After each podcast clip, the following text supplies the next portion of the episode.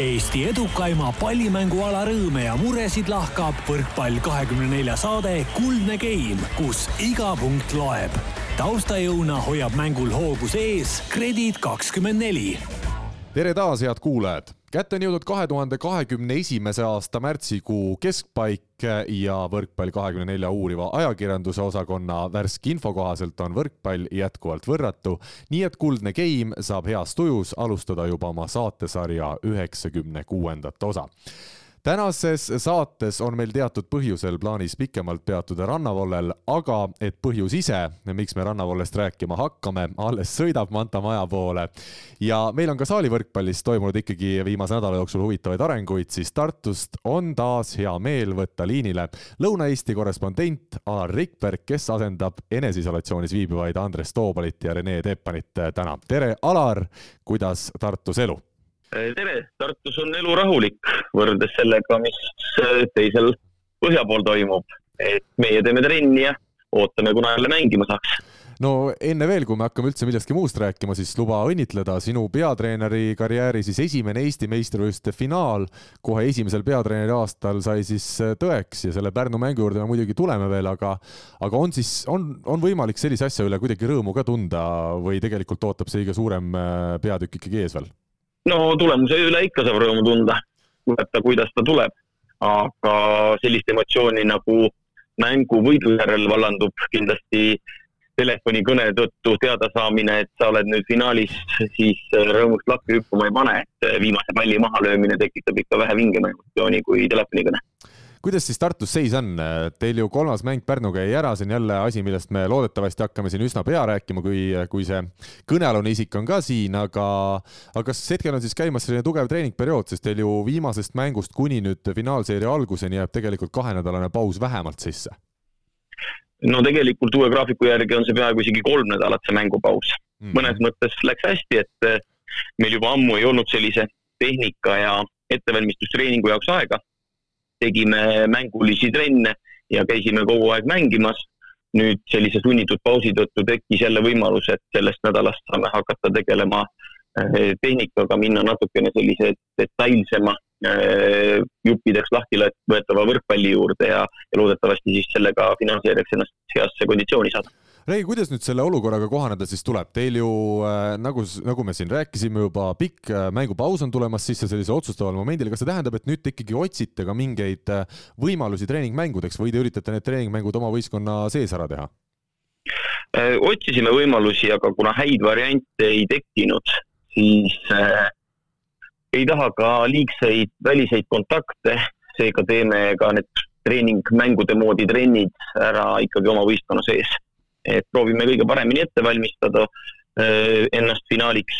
Ja noh, vaadates, mis seisus siis äh, teised poolfinalistid ehk Selver ja Saaremaa on, kes äh, isolatsioonis peavad viibima, siis ega neilgi on samamoodi keeruline, ega neilgi praegu ju mängimise võimalust, isegi head treenimise võimalust ei ole. et saame selle olukorraga hakkama, loomulikult ideaalis tahaks rohkem mängida, vähem niisama trenni teha kuivalt, aga tuleb hakkama saada, tuleb kohanduda ja ma usun, et küll me sellest hästi välja tuleme. Kuidas siis ütleme, treeningul toimuv mäng välja võiks näha, kas sa paned kõige paremad mehed ikkagi ühele poole ja siis selle nii-öelda teise koosseisu teisele poole? Või kui sa tahad tekitada mängulist momenti, siis sa pead panema vaheldumisi siin osad põhimehed ühele poole ja teised teisele poole? no mul on üks selline mängutrenn plaanis, mis näebki välja nagu ametlik mäng ja eesmärk on seal hakata kombineerima et ei ole niimoodi, et üks võistkond ja teine võistkond, vaid iga game'i vahel siis äh, vahetuvad võistkonnad, et hoida ühelt poolt nii põhimeeskonda ja leida nagu nende koostööd, kui ka siis teistpidi, et oleks võimalikult võrdsed need tiimid. kas kohtunik ka sellisel mängul on? suure tõenäosusega keegi meie enda treeneritest tahtis kas seal ei ole seda, seda ohtu, et ikkagi keegi hakkab ära vilistama omadele rohkem, kes meeskonnas rohkem meeldib, kes rohkem võib-olla on jäänud silma või, või on valmis äkki isegi rohkem poetama kuskilt taskust, et, et seal seda äravilistamise muret sul ei ole? no meil on treeningud üldiselt ausad, et nii palju, kui mu kogemus on, enamik äh, mängijaid ükskõik mis tasemel trennis, kui läheb äh, ploki näppudest out'i, tõstetakse käsi ülesse, ma olen võib-olla kahe sellise mängijaga olnud võistkonnas, kes tõesti isegi trennis oma vigu ei tunnista. üks, mis tuli välja ka sinu hiljutisest intervjuust Saaremaa treeneri Kalma Siidisega, on siis Keit Pupart, kes juba soojendusmängust alates ja mitte üheski trennis oma selliseid näpupuuteid või sees outpalle vastasele ei kingi, vaid pigem püüab isegi enda kasuks nad alati valetada ja teine mees, kes ka ütles mulle isegi kommentaaris niimoodi, et ah, see riivas nii napilt, et ma ei hakka ütlema, oli Dmitri Bašitski. et Bašitski oli ka selline, et pigem ikka oli vaja punkti saada ja kohe siis võis ka oma meestele valetada. ja mõlemad ikkagi võrkpalluri karjääris jõudsid päris kaugele, et kas siit peab midagi nagu välja lugema? jah, ega võimalik, et neid mehi on veel, kes sellised valelikud on, aga need kaks on lihtsalt mitte äh, pahas mõttes, ega nad tahavad võita ja tahavad ka trennis võita.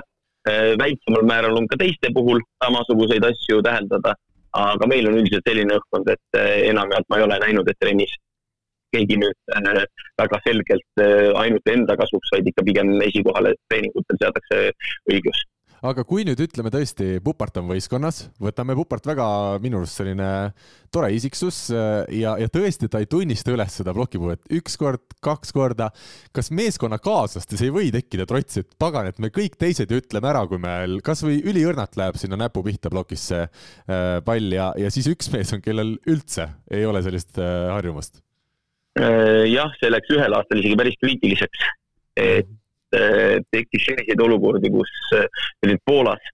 me räägime koondisest siis või, või me räägime Lubinist? ei, äh, Lubini klubist ja olukord läks isegi selliseks, et peaaegu taheti kas just kallale minna, aga, aga mingil määral karistada teda sellise käitumise eest, et seal ikkagi peeti ka ausust au sees ja kui üks mees järjepidevalt ei mänginud samade reeglitega, siis olid sellised üksikud mängijad, kes selle peale päris, päris põlema läksid. aga muutus ka siis midagi selle, selle ütleme situatsiooni järel või selle nii-öelda ülestõusu järel? ei muutunud midagi, lihtsalt eh, lõpptulemus oli juba see, et ükskõik, mis, eh, mis pupi lähedal toimus, siis ega seda enam ei usutud. jah, selge kuidas üleüldiselt sulle see Janis Kalmasiidise intervjuu tundus? mina ütlen ausalt, et äh, hooaja algusest juba väga hea mulje oli temast jäänud ja ütleme, see intervjuu, mis siis sai vahetult enne seda poolfinaalseeria algust tehtud, ainult süvendas seda arusaama, et äh, ikkagi meil on õnnestunud siia ühtpidi väga väga hea treener saada, sest me tuletame meelde, et see mees on võitnud erinevate Kreeka klubidega Kreeka meistritiitleid.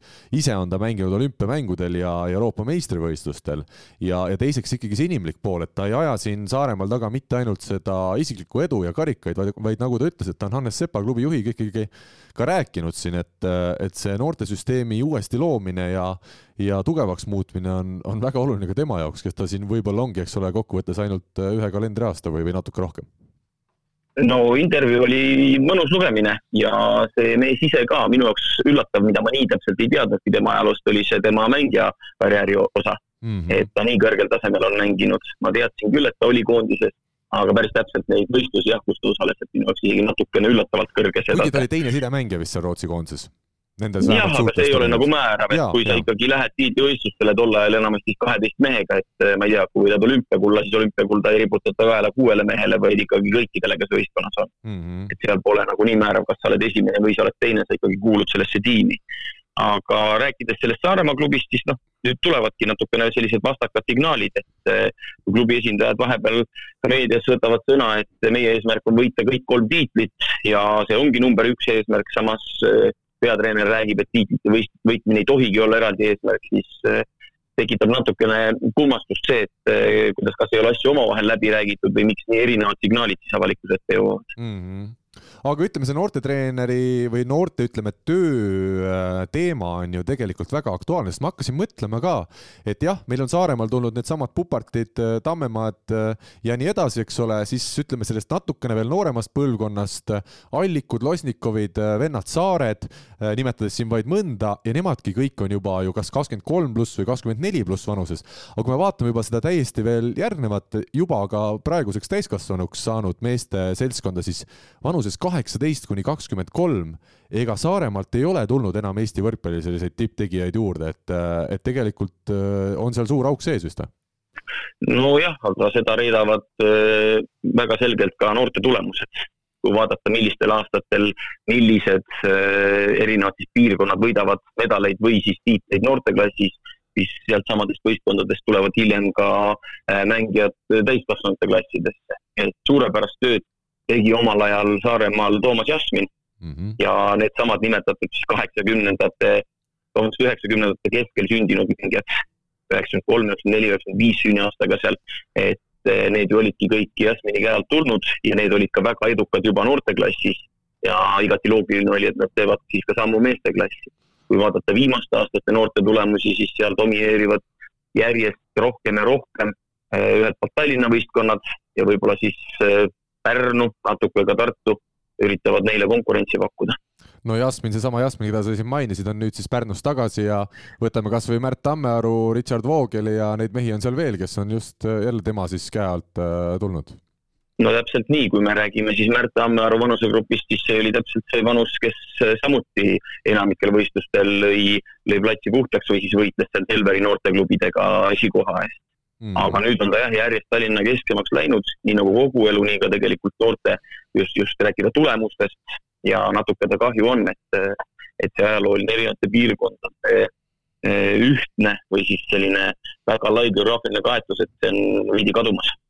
Aga kui me nüüd Kalmasiidisest räägime, Kreekast tulnud, eks ole, mees, aga samas üles kasvanud eh, Rootsis, eh, mis selle intervjuu nagu läbiv sõnum tema poolt minu arust oli, oli ikkagi see, et treener esiteks ta ei pea olema sõber ühegi mängijaga, aga teiseks ta peab kõigiga läbi saama ja see on see võtmeküsimus. kas sina oled ka nii tundnud, et, et ühe hästi toimiva meeskonna alus on see, et kõik on selles võistkonnas ikkagi rahul, ma ei ütle, et nad on kõik kõigi otsustega rahul, aga üldiselt, et nad kõik saavad oma rollist aru, nad ei ole treeneriga kuidagi vastamisi, et see on nagu hästi tähtis, et selline õhkkond tuleb suuta luua, aga et samas see on ka võib-olla kõige keerulisem selle suure võistkonna ja, ja paljude inimeste ja erinevate inimeste siis äh, kogumis. no pigem on see ikkagi raske mm., sellepärast et äh, äh, mingist tasemest alates, kui rääkida nüüd just professionaalina äh, spordi tegemisest, ei ole vahet äh, enam, et kas ma saan hästi läbi või kas ma olen sõbralikes suhetes, mingi hetk on see selline töö tegemine. ja väga paljudel tasanditel olen seda näinud, et noh, see läbisaamine ei pruugi olla, aga ega see ei kajastu selles, mida üks või teine mängija teeb palliplatsil. mõnikord ma lihtsalt täidangi oma ülesannet ja teen ära oma töö. Loomulikult ideaalvariant on see, mida sa kirjeldasid, aga kõikide, kõikidega seda saavutada on äärmiselt raske ja ega ma ei taha uskuda, aga vaadates seda Saaremaa üles-alla kõikumist, et, et sealgi on niimoodi olnud, et kogu aeg on head suhted kõikide vahel, et pigem on, on olnud ka väljapoole kuulda erinevaid hõõrumisi no ta tõigi välja sellesama Evander Diaz Sousa, kes on täna siis võistkonnast lahkunud juba Kreeka tippklubisse Paoki ja, ja Indrek Pulga vahelise sellise duelli, et äh, nii palju, kui mina olen aru saanud, vist seal seisiski asi selles, et äh, eelmise aasta siis kalendriaasta lõpus üks mäng, kus teised mängijad leidsid, et Evandro ei panustanud või ei pingutanud piisavalt, et üks asi on see, mida meiegi siin saates oleme rääkinud, et et sa võid küll mängu kaotada, aga mil moel sa kaotad, kas sedasi, et sa pingutad lõpuni, annad endast kõik või sa ikkagi juba mingil hetkel lased lased, jala sirgeks või ei anna endast äh, päris seda maksimumi, et et seal oli sellest see konflikt tekkinud, aga samas jälle väga hästi ka Kalmasiidis äh, tõi nagu välja, et, et kui ühel mängijal tõesti satub väga palju väga keerulisi asju elus äh, ühel hetkel, et siis, siis, siis sellest tulebki aru saada ja, ja kuidagi need probleemid lahendada, aga nagu, nagu ta ise ütles ka seal intervjuus, et Evandrol ju oleks muidu need ilmselt need lahkhelid võistkonna sees ära lahendatud, kui neid muid probleeme ei olekski tekkinud seal seoses siis ema raske olukorra ja, ja surmaga ja, ja oma siis naise ütleme rasedaks olemisega? jah, see on loomulik, et äh, igaüks tahaks ju, et kõik annavad iga mäng endast sada protsenti ja õnnestub ka see mäng veel. aga mul on endalgi olnud sel hooajal küll ja küll mänge, pärast mida ma olen pidanud kas konkreetselt teatud mängijatele või isegi kogu meeskonna poole pöörduma sellega, et mulle tundub, et ei antud endast maksimumi mm. -hmm. et enamasti see puudutab noh, küll mingit osa võistkonnast, aga neid aegu tuleb ega sellist head keskendumist kogu see, ma ei tea, seitse või kaheksa kuud, mis klubi hooaeg kestab, hoida, on üsnagi keeruline ja raskeid hetki tuleb kõikjal sisse. mõnikord tuleb nendest üle olla, kui on selline süsteem, et sul on põhiturniir, mis veel nii otseselt ei määra ka asju, siis mõni kaotus tuleb nii treeneril kui ka mängijatel lihtsalt vastu võtta ja edasi minna, et tihtipeale pole aega väga pikaks analüüsiks ja asjade ümbertegemiseks, vaid tulebki leppida lihtsalt tõsiasjaga, et täna oli nii. just, aga meil on siis lõpuks äh, saabunud ka stuudiosse see põhjus, mida me oleme vargsasti sedasi äh, jälginud, et kus ta on, kas ta tuleb, millal ta tuleb ja lõpuks ta kohale on saabunud. ja siin ta siis on. Äh, mul on ütlemata suur rõõm näha Manta Maja stuudios istumas meie saate kadunud poega, koroonaveterani, vaese mehe Mait Maltist ja Valge Tähe viienda klassi kavaleri Rivo Vesikut. tere, Rivo! tore sind tõesti näha tere ja alustan äh,, alustan siis äh, üle pika aja saadet stuudiost ja alustan oma sõnadega, mis mul väga hästi koolist on meelde jäänud ja mida ma seal palju kasutasin. palun vabandust, ma tund hilinesin aga ma saan aru, et sa oled nädal aega kodus umbes ja sul on palju tegemisi siin ikkagi? E, jah, ja, ja, ja, ja jälle veel kord vabandust, et ma panin oma ajagraafikuga täiesti mööda praegu, et, et üks, üks koosolek jooksis vähe pikemaks, kui ma, kui ma arvasin ja, ja nii ta üldiselt läheb. tere, Alar, sulle ka sinna Tartusse. võta klapid ka, Rivo, siis sa kuuled ka, mis Alar meile räägib asi... ja see sissejuhatus oli selline, et ootame ja kas ta tuleb ja ma mõtlesin, et äh, Karl hakkab jõuluvanast rääkima meile. eks see tuleb ka varsti ju, see aeg on ka käes juba varsti. kohe-kohe muidugi. aga kuidas nüüd Rivo sulle siis ütlema peab, äh, kas sa mingi tiitli ka said, kui sa selle Valge Tähe viienda klassi kavaleriks äh, said, et oled sa nüüd Sir või peab sulle ütlema seltsimees, arvestades seda, kus sa töötad, kuidas sa soovid? Äh, ei, jah, kõik, kõik sobib, kõik sobib, kõik, mis vähegi ülistav on, kõik läheb peale, andke aga tuld see käib nagu sinu selle vene värgiga käib natuke kokku selline, kui, kui juba, siis ülistades. jah, täpselt ähm,. üritasin leida meie siis toidupoodidest ka vene šokolaadi, aga ma ei tea, oleme ikkagi nii palju lääneriik, et ei ole meil ühtegi vene šokolaadi, ma tõin sulle linnupiima ja ma ütlen ausalt, ma üritasin leida ka mingi seose, et kuidas sa sidud ära? Lihtsalt peale selle, et ta oli odavam ja et ta mulle endale täitsa suur tänu, Karl.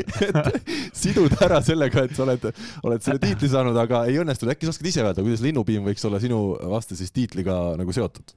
piim on ka valge order on valge, piim kas sa oled kätte saanud juba? ei ole äh,. üritus siis toimub kuskil kevade poole, kui on ärevad. oi, ma just tahtsingi küsida, et kas äh, Rivo sellise piduliku sündmuse nagu üheksakümne kuuenda saate puhul pani ordeni rinda, kui ta saatesse tuli, et ma siit kaugelt ei näe.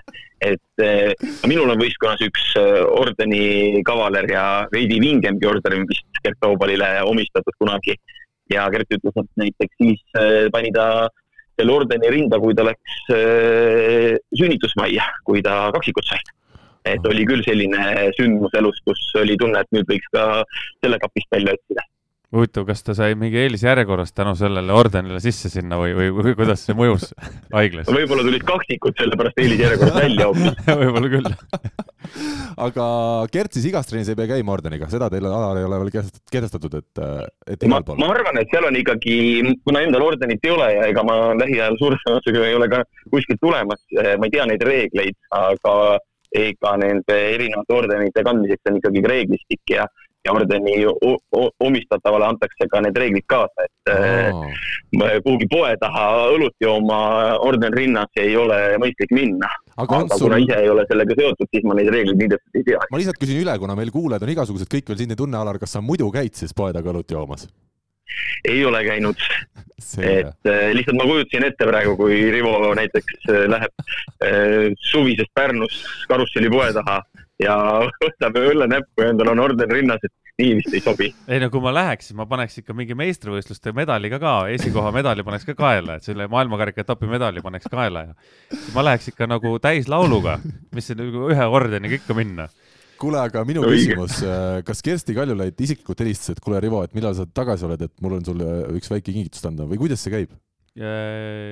kiri saadeti. kiri nagu,, emailile nagu,? ei, kiri, kiri. päris kiri? päris kiri, jah tohoh, tuvid tõid ja postitasid sinu Kakumäe siis elukohta. Häärberisse kas enne seda oh,? enne oli korter, nüüd on Häärber. nüüd on Häärber. jah. kõik on, minu elus on kõik muutunud.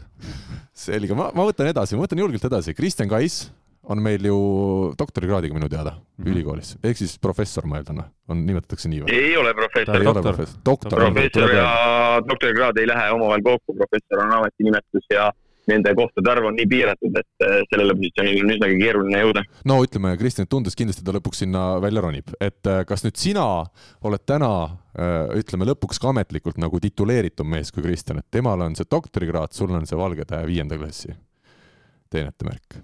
mis see ei ole üldse oluline. see on väga oluline. ei, miks?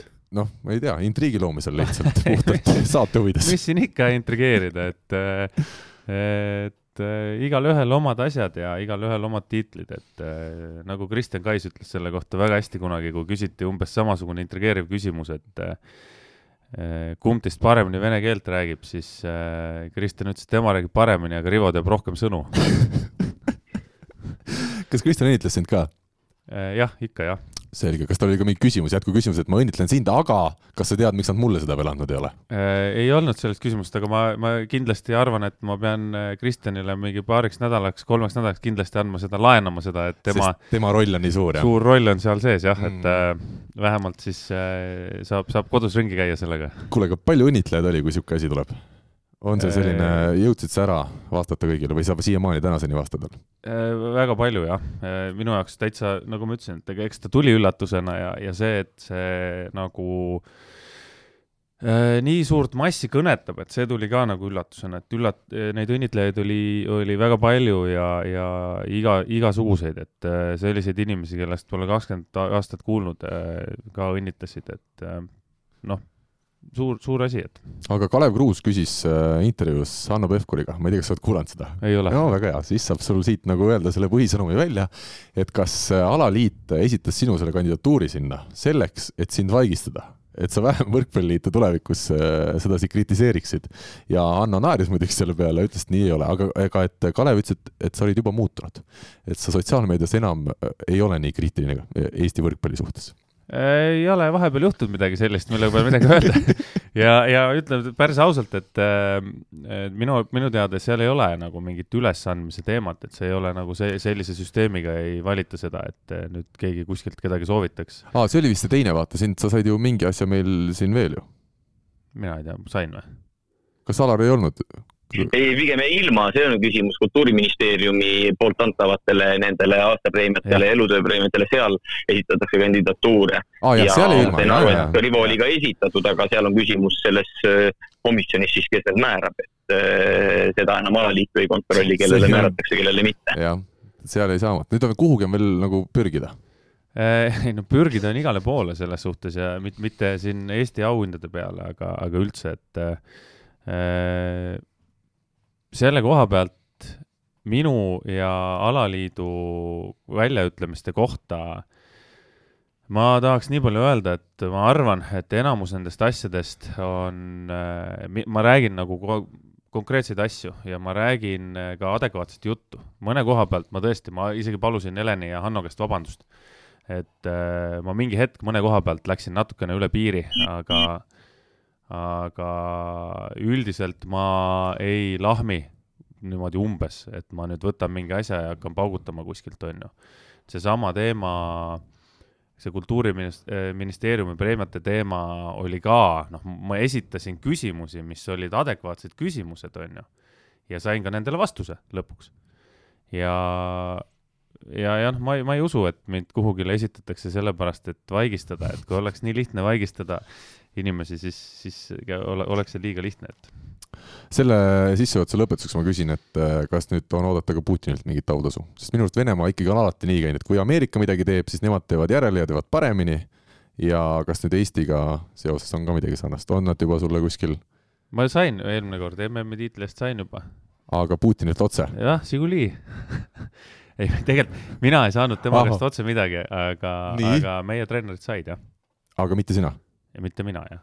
aga sulle siis ei antud, sest et äh,? sai äh,. sa ei sõida autoga? ei, sai peatreener, sai äh, president. alaliidu? jah, ja keegi sai veel, ma ei mäleta, kes. ja mis oli. nad said siis? mingi ordeni. mitte Žiguli? ei, mingi, mingisuguse. nüüd on juba ordeni, Laada nimetatakse. Ordeni ja siis siis veel, veel midagi. selge, aga kuna meil on äh, tõesti saate tegemine ikka jälle, nagu peabki olema, natuke keeruline, ehk siis Alaril algab täpselt kahekümne kaheksa minuti pärast äh, õhtune trenn siin teisipäeval, mil me seda saadet lindistame, siis võtame ette tänase saate esimese teema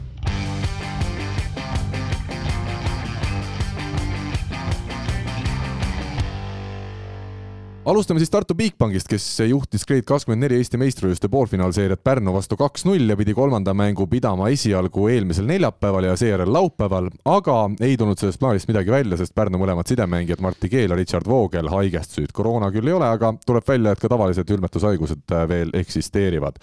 Alar, esiteks äh, teeme siis kohe selgeks, et mõni inimene, viitan siin ka ühele Mantamaja stuudios hetkel istuvale mehele on juba jõudnud sotsiaalmeedias küsida, et kui teises seerias, mille juurde me tuleme natuke hiljem, sai lükata seeriat edasi, siis miks selles seerias see juba kolmas mäng siis loeti peetuks ja anti teile kolm-null loobumisvõit ja, ja finaalipääs?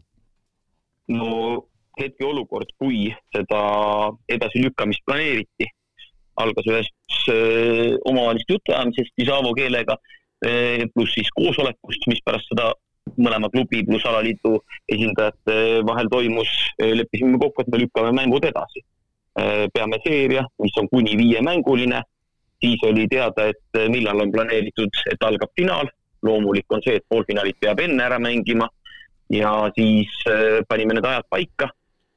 veidi hiljem selgus, et ka uutel aegadel Pärnu ikkagi ei saa mängida, sest tervislik seis on hullem ja siis tegi Pärnu omapoolse ametliku teate, et nad annavad loobumiskaotuse sel ja sel põhjusel alaliidus on kokku lepitud, et äh, mänge lükatakse edasi, see on juba hooaja esimeses pooles kokku lepitud, mängu, mänge lükatakse edasi, kui on äh, võistkondades koroona. selge. no aga see on aga..., see, see on, see on ju jabur, selles suhtes on ta nii ajuvaba minu jaoks, et kas see koroona on nüüd, nüüd nagu ainukene maailma põhjus, et miks siis ei võinud teie mängu edasi lükata, kui Selver mängib kaks nädalat hiljem oleks jaa, ikka oleks võinud mängib. pärast tagantjärele, aga nüüd ma ütlen järgmise juhuse, mis siis juhtub, kui nüüd äh, me lükkame mängu hilisemaks, mängime ka näiteks kahekümne neljandal ja mul on äkki Ronni ja Gert haiged enne seda mängu. kas me siis kaotame selle mängu ja kaotame terve selle seeria? või ma pean kellegi teise panema sidemängijaks, kuna mul on noh, ikkagi kümme meest olemas, kellega mängida, nii nagu ka Pärnul oli.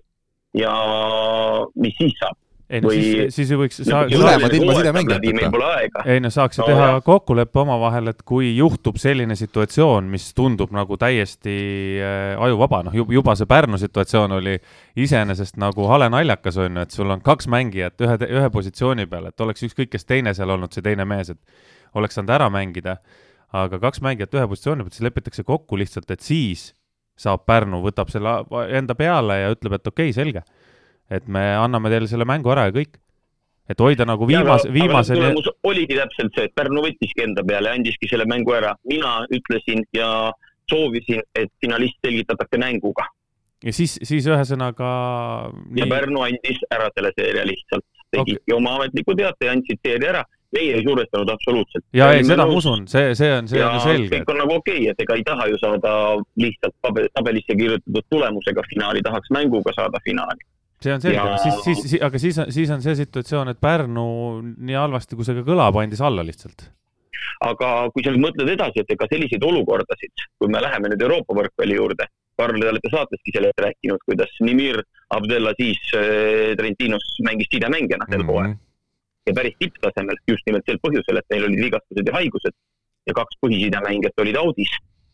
Ja siis pandi diagonaalründaja tõstma, noh, meil küll vedas, diagonaalründaja oli ka sidemena kunagi oma karjääris varem mänginud, aga seesama koroona, mis praegu meid nagu, äh, seal on natukene teine olukord, sellepärast et koroonatest tähendab automaatselt kogu võistkonna isolatsiooni. külmetushaigus ei tähenda seda, et terve võistkond peaks kümneks mm. päevaks jääma isolatsiooni ja sel põhjusel on ka tegelikult need liiga reeglid tehtud, et nii nagu juhtus praegu Selveriga ja Saaremaaga, mängud peab edasi lükkama, sest et isegi need, kes kui sul on üks või kaks testi positiivset, vahet pole, kõik ülejäänud peavad ka kodus passima, nad ei tohi mängida. aga kui me sama, räägime sama muudest haigustest, siis nii ei ole. sama küsimus, et mis siis nüüd saab, kui järgmine kord on Saaremaal positiivne, et mis siis saab? no vot, aga selleni jah ja, see ongi oht üleval. nii ongi, aga see on olnud algusest, hooaja algusest peale, et meil on niikuinii väga kriitiline aasta. me peame paindlikult, jooksvalt asju vaatama ja nüüd me jõuamegi selle järgmise otsuse juurde. kuna hooaja lõpp on ikkagi paigas, kuusteist, seitseteist aprill on äh, Balti liiga äh, Final Four. ka seal võib veel tulla muutusi, sest seal samamoodi lähevad võib-olla ka rahvusvahelised paarid vastamisi. siis noh, see, kuidas nüüd veerandfinaali enne mängida, seda ei plaanita edasi lükata ikkagi, siis sellest tulenevalt muudeti ju Eesti meistrivõistluste finaalseeria planeeritud viiest parem asemel kolmest parem ehk kahe võiduni. Aga tead, esialgu ja. planeeritud kolmas, neljas, viies mäng on nüüd esimene, teine ja vajadusel kolmas mäng. ja seal on ka nüansse palju, ei ole ainult see, et millised on mängude vahed, kuidas sa puhkad või mis rütm on, vaid kõik need mängud on teles ja teleajad on kokku lepitud. aga meil on saate. sellest tuli ka lähtuda meil on saateaeg ka täna ikkagi mingil määral piiratud ja kuna Alar peab juba kahekümne minuti pärast ikkagi minema trenni ja meil on nii palju asju veel arutada Alariga koos, siis ma lihtsalt ütlen eh, siia lõppu selle ära, et ma olen tegelikult ju kuulnud ja eks me kõik siin oleme vist kuulnud, et tippvõistkondades võrkpallis siis Euroopas on selliseid juhuseid juba päris palju, kus mängija nakatub koroonasse, klubi vaikib selle maha, ütleb, et lihtsalt külmetushaigus või et on vigastatud, jääb sellest mängust eemale, võistkond treenib edasi, mängib edasi, mängija on lihtsalt kaks nädalat eemal, tuleb võistkonda tasa ja targu tagasi, keegi sellest teada ei saa, liiga jätkub, et eestlased on ikkagi selles suhtes väga aus ja, ja intelligentne rahvas, et me peame vist siin kiitma ikkagi meie võistkondi, kes lähevad alati proovi tegema, kuigi haigeks jääb. aga läheme edasi, sest meil tõesti on nii palju huvitavat rääkida. Rivo, sinuga me pole Pärnust rääkinud, äh, siin vahepeal oleme saanud ka saatega siis kriitikat äh, Pärnu võistkonnast, et me ikkagi liiga palju ütleme nende kohta kehvasti. mis sinu siis hinnang on, millest äh, tänavu Pärnul vajaka jääb, kas Niino Kaavo ütleb, et lihtsalt kvaliteedi vahe, Pärnul on Läti koondised, Tartul Eesti koondised ja Eesti koondised on täna Lätis parem ja, seetõttu nad ei, ei saagi konkurentsis olla? Äh, ma olen selle kuskil välja öelnud ka, minu arust ei ole see võistkond edasi arenenud mitte kuhugi poole, et, äh, et seal osad mehed teevad mingi aeg nagu, mingi aeg teevad äh, selliseid noh, särtsakamaid esitlusi on ju, neil tuleb nagu natuke paremini välja, aga üldfoon ja üldine nagu selle võistkonna pilt on sama, mis ta oli keva- või sügisel. sügisel vaata, et mingitel hetkedel isegi parem, kuna nad olid oma koondise akna pealt tulnud, on ju ja, ja mehed äh, olid, olid kuidagi värskemad ja, ja noh, natukene, et, et tänaseks ma küll ei ole nii palju jälginud, on ju, Alar võib seda kommenteerida, kui ta üldse võib seda kommenteerida praegu, on ju, või, või keegi, kes on selle asja sees olnud kogu aeg, aga nii palju, kui mina olen neid mänge näinud, noh, ma pakun, et ma üks niisugune, nii palju, kui näidatakse, seitsekümmend protsenti olen jõudnud ära vaadata, et siis minu arust ei ole Pärnu võistkonnal olnud äh, arengut aga kas kvaliteet, kas see materjal on olemas? ma võin kommenteerida ja. küll ja üks asi, millest me ei ole rääkinud tegelikult Pärnu teemal ja mille peale ma mõtlesin siin mingi aeg ja mis tundub täiesti loogiline, kui vaadata isegi viiteist viimast aastat. et sügisel, esimesel kontrollturniiril, vaadates seda, mis vormis oli Osolins, milline oli Švants, äh, kui võimas oli Plataks, mehed, kes tulid koondisest, sama mida Rivo mainis, koondise selle hea vormi pealt füüsiliselt väga võimsad ja nii edasi ja nii edasi. aga nad tulid täpselt sama treeneri käe alt. nüüd tekib kaks, äh, see põhiasi, millest äh, ei ole rääkinud. kui sa mängid välismaal ja kui sa mängid klubi eest versus, et sa mängid koondise eest. Tartus on läbi aega tulnud hulgalisti äh, lätlasi, kes võetakse siia selle pealt, et eelmine hooaeg vaatad, koos mängime Balti liigat, väga vinged kujud, tulevad Tartusse täiesti keskmised Selver on ostnud selliseid lätlasi ja toonud siia lõunanaabreid küll ja küll, kes ei ole absoluutselt mingil tasemel ja Pärnu samamoodi läbi erinevate aastate. et äh, võõras riigis äh, klubi tasandil mängimine ei pruugi tähendada seda, et, et, et sammu edasi, võib-olla sealsamas koduses mugavas mullis on äh, palju parem mängida. olgu need Kudrešovsid, olgu need ükskõik millised nimed, et siia on tulnud mehi, kes on teinud väga häid hooaegasid. ja siis äkitse Eestis kuidagi mitte isegi sõltuvalt klubist, treenerist, keskkonnast, millestki, millestki muust, vaid lihtsalt, et nüüd on lätlane äkki Eestis ja ta ei mängi enam sama taset välja. ja see on nüüd see tegelikult, kui hooaja algusega võrrelda, siis see lätlaste kolmik on tõesti see, kes eh, edasi küll sammu ei ole teinud, pigem isegi sügisese vormiga võrreldes sammu tagasi. no siin, siin on üks teema on veel, on see, mis on läbi aastate juba ka olnud, eh, on Taavet Lepik on ju, et mina arvan, et Taavet Lepik ei ole siiamaani noh, põhimõtteliselt viimase kolme aasta jooksul tippvormi jõudnudki, sest ta läheb ennem katki. tulevad need pisivigastused ja mingisugused jubinad külge, et ta, ta lihtsalt ja. ei jõuagi sinna, milleks tema tegelikult võiks võimeline olla. ja sellega, sellega ta ka nagu kõigutab seda klubi nii palju, et äh, ja. ta on ikkagi üks tähtis osa sellest, on ju. mitte tähtis osa, ma olen Taaveti äh, talendi ja mängu tõsine austaja ja kui ma nüüd mõtlen eelmise aasta peale, meil oli Andreiga ühe mängu taktika selline, et ükskõik, mis me teeme, Taaveti peal ei tohi ühtegi servi servida sest no mehel olid numbrid nagu üheksakümmend ja pluss protsenti vastuvõtul. samamoodi, eelmine aasta ta oli, aga samamoodi mingi aja heas vormis. siis tulid jälle needsamad vigastused, haigused ja muud asjad ja kogu aasta ei olnud vormis. ja sama asi on juhtunud see aasta, et, et noh, ei olegi leidnud seda mängu, vahepeal Pärnul need kaotused ju tulid siis, kui nad mängisid ka ilma Lepikuta, siis tuli veel rohkem kaotusi ja ei olnud ilusaid mänge. Lepik tuli tagasi, läks natuke paremaks, aga tõesti, sul on õigus, et need teise hooaja poole tema sooritused ei ole võrreldavad eelnevate hooaegadega, kui ta on olnud vormis. noh, tal on ka väga-väga häid mänge sees, kus tõesti on heas vormis no samas ma ütlen, et nüüd siin vähemalt poolfinaalseerias ei ole ju Lepik nüüd ka üleliia halb olnud, et mina võtaksin ette veel ühe nime, ikkagi selle Atlas Ozolinši nurgaründaja esimeses mängus Tartu vastu kümme punkti pluss neli, teises viis punkti efektiivsusnäitaja sootuks nullis. et mis siis ikkagi juhtunud on?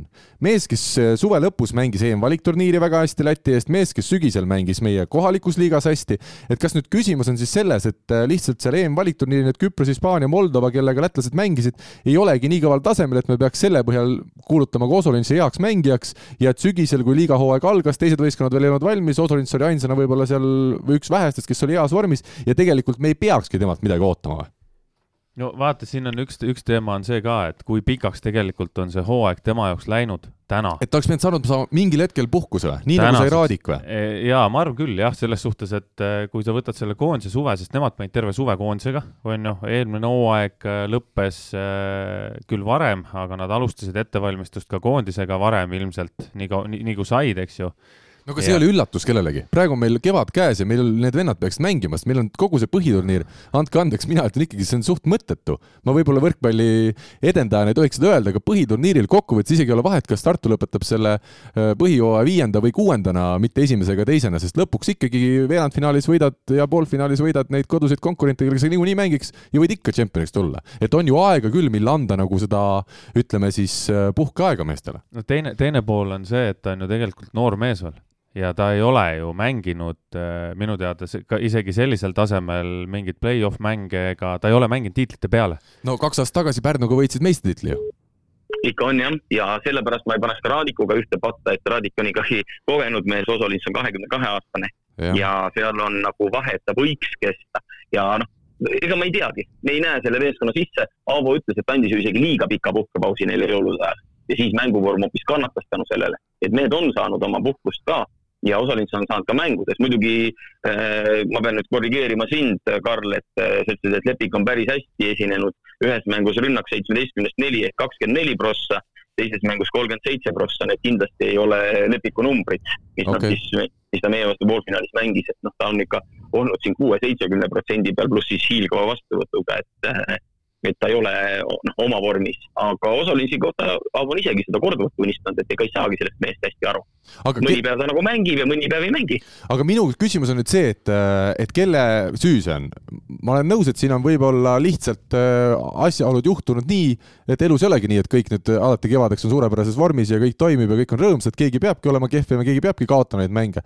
aga, aga kas see on nüüd siis mängija viga, et ta ei suuda ennast, ennast nagu hooaja tähtsamaks vormiks, hooaja, hooaja tähtsaimaks Äh, siis perioodiks vormi viia või on see peatreeneri viga, on see aga, aga füüsilise ettevalmistuse treener? no vot, jah ja.. võib-olla see mees ongi selline, et küllalt on selliseid võimsaid andekaid mehi, kes olulistes mängudes ei mängi oma mängu. et äh, seda on raske öelda mm., selle, selle jaoks ma ei tunne teda piisavalt hästi. ega ta on ka koondises piisavalt hädas olnud. paneme nüüd, eks me see suvi näeme, Eesti ja Läti koondis, Osolins võib-olla tahab ja püüab sajaprotsendiliselt. ma ei välista, et need numbrid on samasugused nagu Pärnus, et ta on hädas tead, ma toon ühe, ühe näite veel siia, mis, mis võib-olla ei pruugigi nagu olla tõsi või, või ei ole nagu seotud selle Pärnu võistkonnaga. Äh, kunagi ammu-ammu, kui mina mängisin Selver, Audentse võistkonnas veel, siis meil oli üks hooaeg oli selline, kus äh, me olime, ma ei mäleta, kas me tulime kolmandaks või tulime neljandaks neljandaks, neljandaks. Ja, ja meil oligi nii, et me, me ei saanud jääda ei viiendaks ega kuuendaks, kuna kes seal siis olid, Võru ja keegi veel, olid meist nii palju nõrgemad. Ja Silvester, Tartu ja Pärnu sellel hetkel olid meist nii palju tugevamad, et me olimegi neljanda koha võistkond.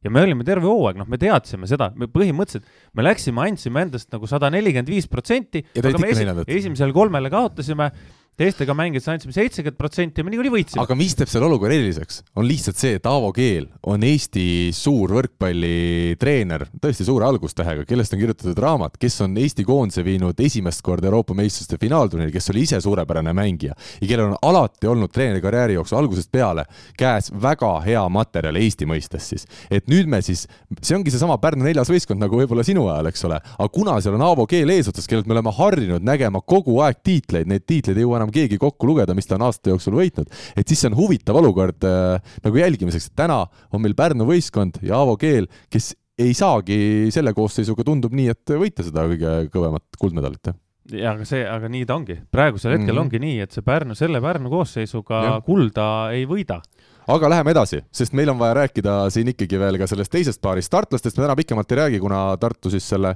kaks-null eduseisu haaramise eelmises saates me jõudsime juba läbi rääkida. Nemad on finaalis ja saab siis näha, kas vastu tuleb Selver või Saaremaa, aga see teine paar, Tallinna Selver juhtis seeriat kahe kindla võidu järel kaks-null, aga siis kolmas mäng, Indrek Pulk naaseb muinasjutuliselt koduväljakul peetavaks kohtumiseks saarlaste koosseisu ja tüürib võistkonna seeria nimetatud matšis siis null-kaks kaotusse just kolm-kaks võiduni. Ja see seeria üldseis nüüd siis üks-kaks. erilisi asju oli muidugi eriti palju, aga Alar, alustame sinust, Indrek Pulk tagasi koosseisusse, eks see näitab ka natukene seda ikkagi sisu või, või ma ei teagi, kuidas seda nagu õige sõnastada oleks, et, et küll treener jättis ta teisest mängust eemale reeglite rikkumise tõttu, aga kolmandas mängus on ta tagasi ja mängib nagu kuulda väga väikestes asjades on see võrkpalli tulemus kinni, nagu üldse spordis. et äh, Selver oli lähedal võidule ja kindlale finaali pääsmele. Neil oli matš valmis, aga Saaremaa oli täiesti kännu taga kinni, esimese geimi lõppu mängisid maha, teise väga tasavägise geimi lõppu mängisid maha, kolmanda kallutasid enda kasuks ja see ei olnud ainult Indrek üksinda. et kogu võistkond saigi selle kännu tagant minema ja hakkas hoopis teistsugust võrkpalli mängima. keegi ei ole öelnud, et Saaremaal pole kvaliteeti. lihtsalt oli see asi kõikuv ja nad olid enda kohta väga kehvakesed. ja Selver sellisel hetkel juba kolmandas skeemis, mitte ainult selle lõpuga, vaid eh, vist kaheksa rünnakuviga või palju nad tegid seal kolmandas skeemis. et eh, Selver ei mänginud enam hästi, ei mänginud oma mängu ja sattus pinge alla. iga võistkond, kui asjad laabuvad ja seis on ilus kogu aeg plussi poole peal, on mõnus mängida. nüüd, kui tuli pinge peale, saarlastel tekkis lisamotivatsioon ja noh, mina vaatasin telerist seda mängu eh, võrkpallifännina igal juhul, kui ma ise ei ole oma võistkonnaga sellesse kaasatud siis ma loodan põnevuse peale ja ma elasin kaasa Saaremaale, tahtsin Saaremaa võitu ja selle, seda, et see seeria läheks põnevaks, see ka juhtus, noh nüüd kahju lihtsalt, et see seeria sai päris korraliku pika pausi ja ta jätkub alles kahekümne neljandal märtsil.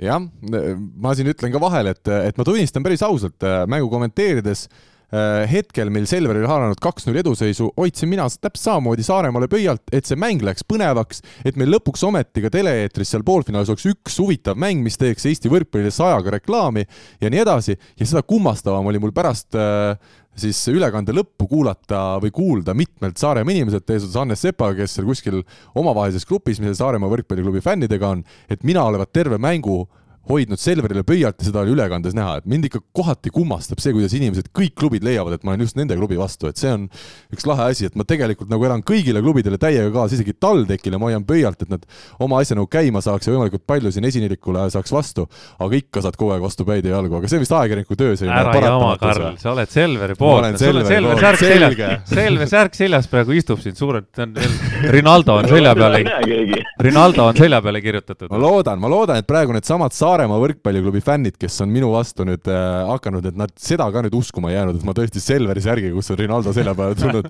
ma olen siia saates tulnud, see ei ole nii. aga läheme edasi. Markus Uuskarit tahaks ka esile tuua, Rauno Tamme asemel siis äh, algkoosseisu selles kolmandaks mängus toodi ja ütleme, ta tõi küll üksteist punkti ja efektiivsusnäitaja oli miinuspoole, miinus kaks, aga ikkagi ta hoidis oma asjad enam-vähem ära. kas sa oled nõus, Alar, et jah, see efektiivsusnäitaja võib olla miinus kaks, aga ta tegelikult äh, aitas nagu ikkagi Saaremaa mängu?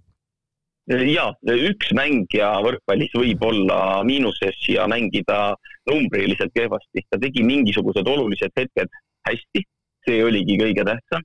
ja kui ülejäänud tassivad, siis selle ühe mehe puudumist annab äh, kompenseerida. kui kaks meest peaks nagu miinuses olema ja äh, sellest ansamblist välja langema, no võita on võimalik ainult siis, kui need kaks on mõlemad temporündajad kust nii palju tavaliselt lihtsalt punktiskoori ei tehta. Muidu vastasel juhul nagu kahe mehe ärakukkumine juba võiduni ei vii. et äh, täpselt nii ta oli, aga Selveri poole peal oli ka mehi, kes olid miinuses. ja sellepärast see mäng tasavägisena ja Saaremaa kasuks ikkagi lõpuks läks. ja natuke üllatav oli, et Tamme pingile jäeti ja käiski ainult paar korda seal plokki tugevdamas ja Uuskari asemele hoopiski vastuvõtuks siis usaldati poolvigast Elari jalga. aga ka tema tuli ja tegi omad asjad ära, nii et noh, see näitabki, et see, mis ma enne ütlesin, et eeldades, et Tamme mängib, siis Tamme peab oma ära hoidma ja teised peavad hästi mängima. nüüd tuli Uuskari, kes tegi enam-vähem oma ära ja teised olid head. mul on küsimus, Alar, sulle just, mina seda mängu ei näinud, kuna oli kõva slideshow oli, internet lihtsalt ei vedanud välja, et ma hakkasin seda vaatama ja see nii hullult hakkis ja peale esimest game'i ma loobusin. kuidas äh, Vanker mängis? kuidas mm,? Vanker, Vanker oskas teha ühe väga rumala tõste, kus asi läkski lappesse. Seal eh, nii kolmandas kui viiendas game'is oskas eh, natukene kokku jooksutada asju ja ta mängis, noh, siis kui võistkond mängis hästi, mängis vanker hästi. ja täitsa loogiline ongi see, et mingi hetk hakkas tõste kõikuma, tuli paar sellist väga kahtlast otsust, eriti see selja taha tõste Varblasele kontrapallist, eh, mille Varblane siis võrku pirutas. minu arust oli kontrapall ja noh, oli selliseid kohti, kus ka sidemängi ebatäpsuse tõttu hakkas kogu meeskond lagunema ja siis oli juba isegi teleekraanis näha meeste pilgud, mis olid suunatud sidemängijale, kui ta tõstis kas valesse kohta või kehva kvaliteediga, et eh, sellist pinget juba mängu ajal eh, ründajate ja sidemängija vahel oli täitsa isegi tunda ma toon siin ühe asja saarlastel veel äh, välja, kui temporündajad äh, Sinkonen ja Lopes kahe esimese mänguga kokku olid vist mõlemad kogunud ühe plokipunkti, siis kolmandas mängus Sinkonilt viis ja Lopesilt neli plokipunkti. aga põhiküsimus nüüd Selveri puhul, kas ikkagi ei ole Andrus Raadik, kui me oleme rääkinud nüüd sellest, et Raadik on teinud väga häid mänge sel hooajal, karikafinaalis oli tema kangelane, äh, ta oli küll vahepeal ära kukkunud, aga tundus, et nüüd hooaja otsustavaks faasiks on taas heaks saanud, siis esimesed, kas ütleme poolteist geimi, kaks geimi oli ka selles kolmandas kohtumises nüüd Raadik hea aga siis vajus ära. kas nüüd äh, hoopis see asi, millest me oleme rääkinud, et Raadik ja Selver, neil on nurgaründajate kohal väga võimas äh, trio ja sealt küll ära vajuda ei saa, siis tegelikult Raadiku pealt vajuski ikkagi mingil määral see mäng ära, et kas ta lihtsalt ei jõudnud, oli seal mingi taktikaline asi, Alar, kuidas sina seda näed? no mina näen, et äh, läkski natuke tihedaks tema jaoks graafik ja see paus, mis nüüd sunnitult tuli, küll Ratsa sellest jälle heas vormis välja ujub ehk eh, see oli nüüd see, mille pärast paus võib-olla isegi Selverile kasuks tuli. et Raadik hakkas väsima, seda oli näha ja sellepärast eh, ta tuli, võttis Kollolt koha, võttis väga hästi.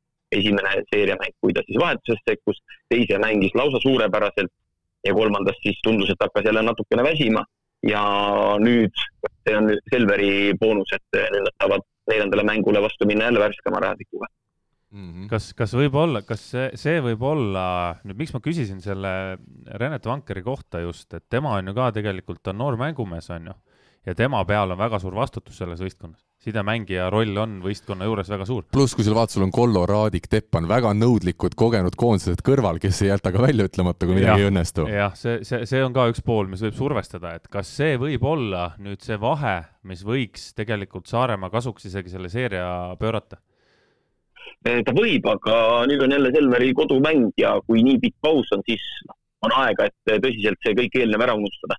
Mm.. täiesti nullist pihta hakata, muidu tuleb ikkagi natuke kaasa, nii nagu game'i lõpp mõjutab järgmise game'i algust. nii kui on seerial, seerias tihedalt mängud koos, eelmise mängu lõpp mõjutab ka järgmist mängu. aga nüüd ma arvan, saab jälle puhtalt lehelt minna, et, et nii palju ta mõjutab, aga Reneti puhul jah, on õigus, mina olin näiteks üllatunud, kui hästi enesekindlalt ja tarkade otsustega mängis Renet karikafinaali et tema oli ka üks äh, Selveri kangelastest ikkagi, et äh, ta tegi omad asjad ilusasti ära ja polnud, eh, noh, ootad ja ootad, ei tulegi ühtegi ärakukkumist, ei tule kehvasid otsuseid, ei tule kehva tõstekvaliteeti, et noh, juba on piisavalt järelikult ka suuremate mängude kogemust, selle taha ei saa pugeda aga võib-olla jah, et kui nõudlikud ründajad ja mingi hetk ei hakka asjad jooksma, siis lendavad pilgud vasakule-paremale. Alar, sulle viimane küsimus, kuna sa oled kohe-kohe trenni alustamas Tartu Ülikooli spordihoones, ma tean, et sa läksid juba enne saadet tänu sellele sinna oma ruumidesse ülikooli spordihoones, et sa saaksid siin viimase hetkeni ikkagi meiega koos olla.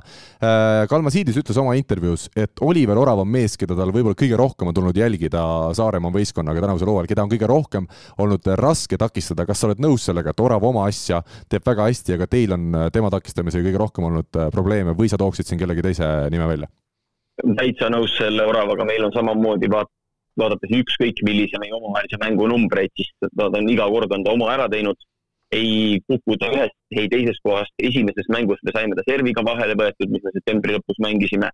natuke nii ja naa, noh, viimane Selveriga omavaheline mäng seal vahegrupis, siis tegi ta lihtsalt ühe õnnetu hani plokki, eh, mis tegelikult otsustaski game'i saatuse jälle et äh, selliseid üksikuid momente on, aga läbi mängu ma olen ka Almasiidisega nõus, et ega teda lihtne ei ole olnud see aasta pidurdada. meil saate ajal tuli Eesti rahvusnaiskonna kandidaatide nimekiri välja, kas sa nüüd, Alar, julged meile ka selle välja öelda, et Orav on kevadel koondise laagris? ma sain meeste käest juba tagasisidet, et koondise peatreener alustas eilsest siis äh, kogu selle pika nimekirja kuuluvate mängijate läbi helistamist ja ma usun, et äh, siin järgmine nädal saame me omavahel korraliku ülevaate. taseme poolest loomulikult äh, tundub mulle, et Orav vääriks seda, et ta oleks Eesti koondise kandidaatide nimekirjas. selge, kuigi sa otse seda välja öelnud, siis me kõik saime aru, milline see vastus oli. Alar, aitäh sulle, edu meestega trenniks, mis trenn täna teid ees on ootamas? Täna ootab meid tehnikatrenn, tulevad siin kahes grupis, alguses äh, vastuvõtjad ja liberad. tervita Argot, tervita siis äh, meil erinevate märkide kavaleri Kerti, kes äh, ilmselt on täna jälle ilma märgita ilmunud trenni ja tervita kindlasti oma venda Rait Rikbergi. ja ikka tervitan ja olge teie tublid. suur aitäh sulle! tänud, tšau! tšau! no mida me siin jätkuks siis ütleme, meil on ees ootamas väga huvitav vähemalt üks mäng selles Selveri Saaremaa paaris ja siis juba pronksimängud ja, ja finaalseeria kas äh, hetkeseisuga, olles nüüd äh, Araabia Ühendemiraatidest ja, ja Katarist jälginud sündmuste käiku, tundub sul üks võistkond hetkel teistest parem? või on siin ikkagi enam-vähem võrdsed e...? Selver, Tartu, Saaremaa. see, see viimane mäng lõi nagu sassi natuke kaardid, noh, nagu sa ütlesid ka, see, see oli väga hea, et see mäng nii läks tegelikult äh, aga, aga see nagu lõi natuke kaardid sassi, sest enne seda mängu tundus, et ikkagi Selver on grammi võrra üle ka, ka Tartust ja Saaremaast ka, onju. aga see ärakukkumine, mis seal toimus, see näitas, et tegelikult, tegelikult võib juhtuda igasuguseid imeasju veel, et ma, ma usun, et ükskõik, kes sealt nagu finaali jõuab, sellest paarist, siis see finaal tuleb igatahes väga huvitav väga-väga huvitav. ja noh, kolmanda koha mängus ka, on ju, et ärme siis ikkagi seda Pärnut nüüd päris maha mata veel, et et äh, Selver ja Saaremaa mõlemad kindlasti tahavad väga finaali jõuda.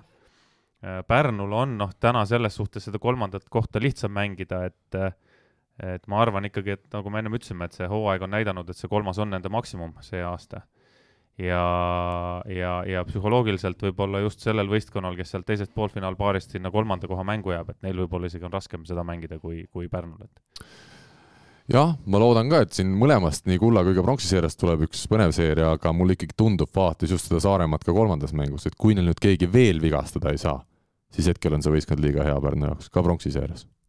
mulle tundub nii aga me ei pea no,. vaata jah, eks, eks, eks see ole näha sa oled Pärnust pärit ka. eks see ole näha selles suhtes ja, ja, ja Selver ei ole võitnud veel seda seeriat, nii et. Äh, absoluutselt. et, et siin on veel kõik õhus. aga meil on äh, see teema nüüd arutatud ja mul on hea meel võtta ette tänane järgmine teema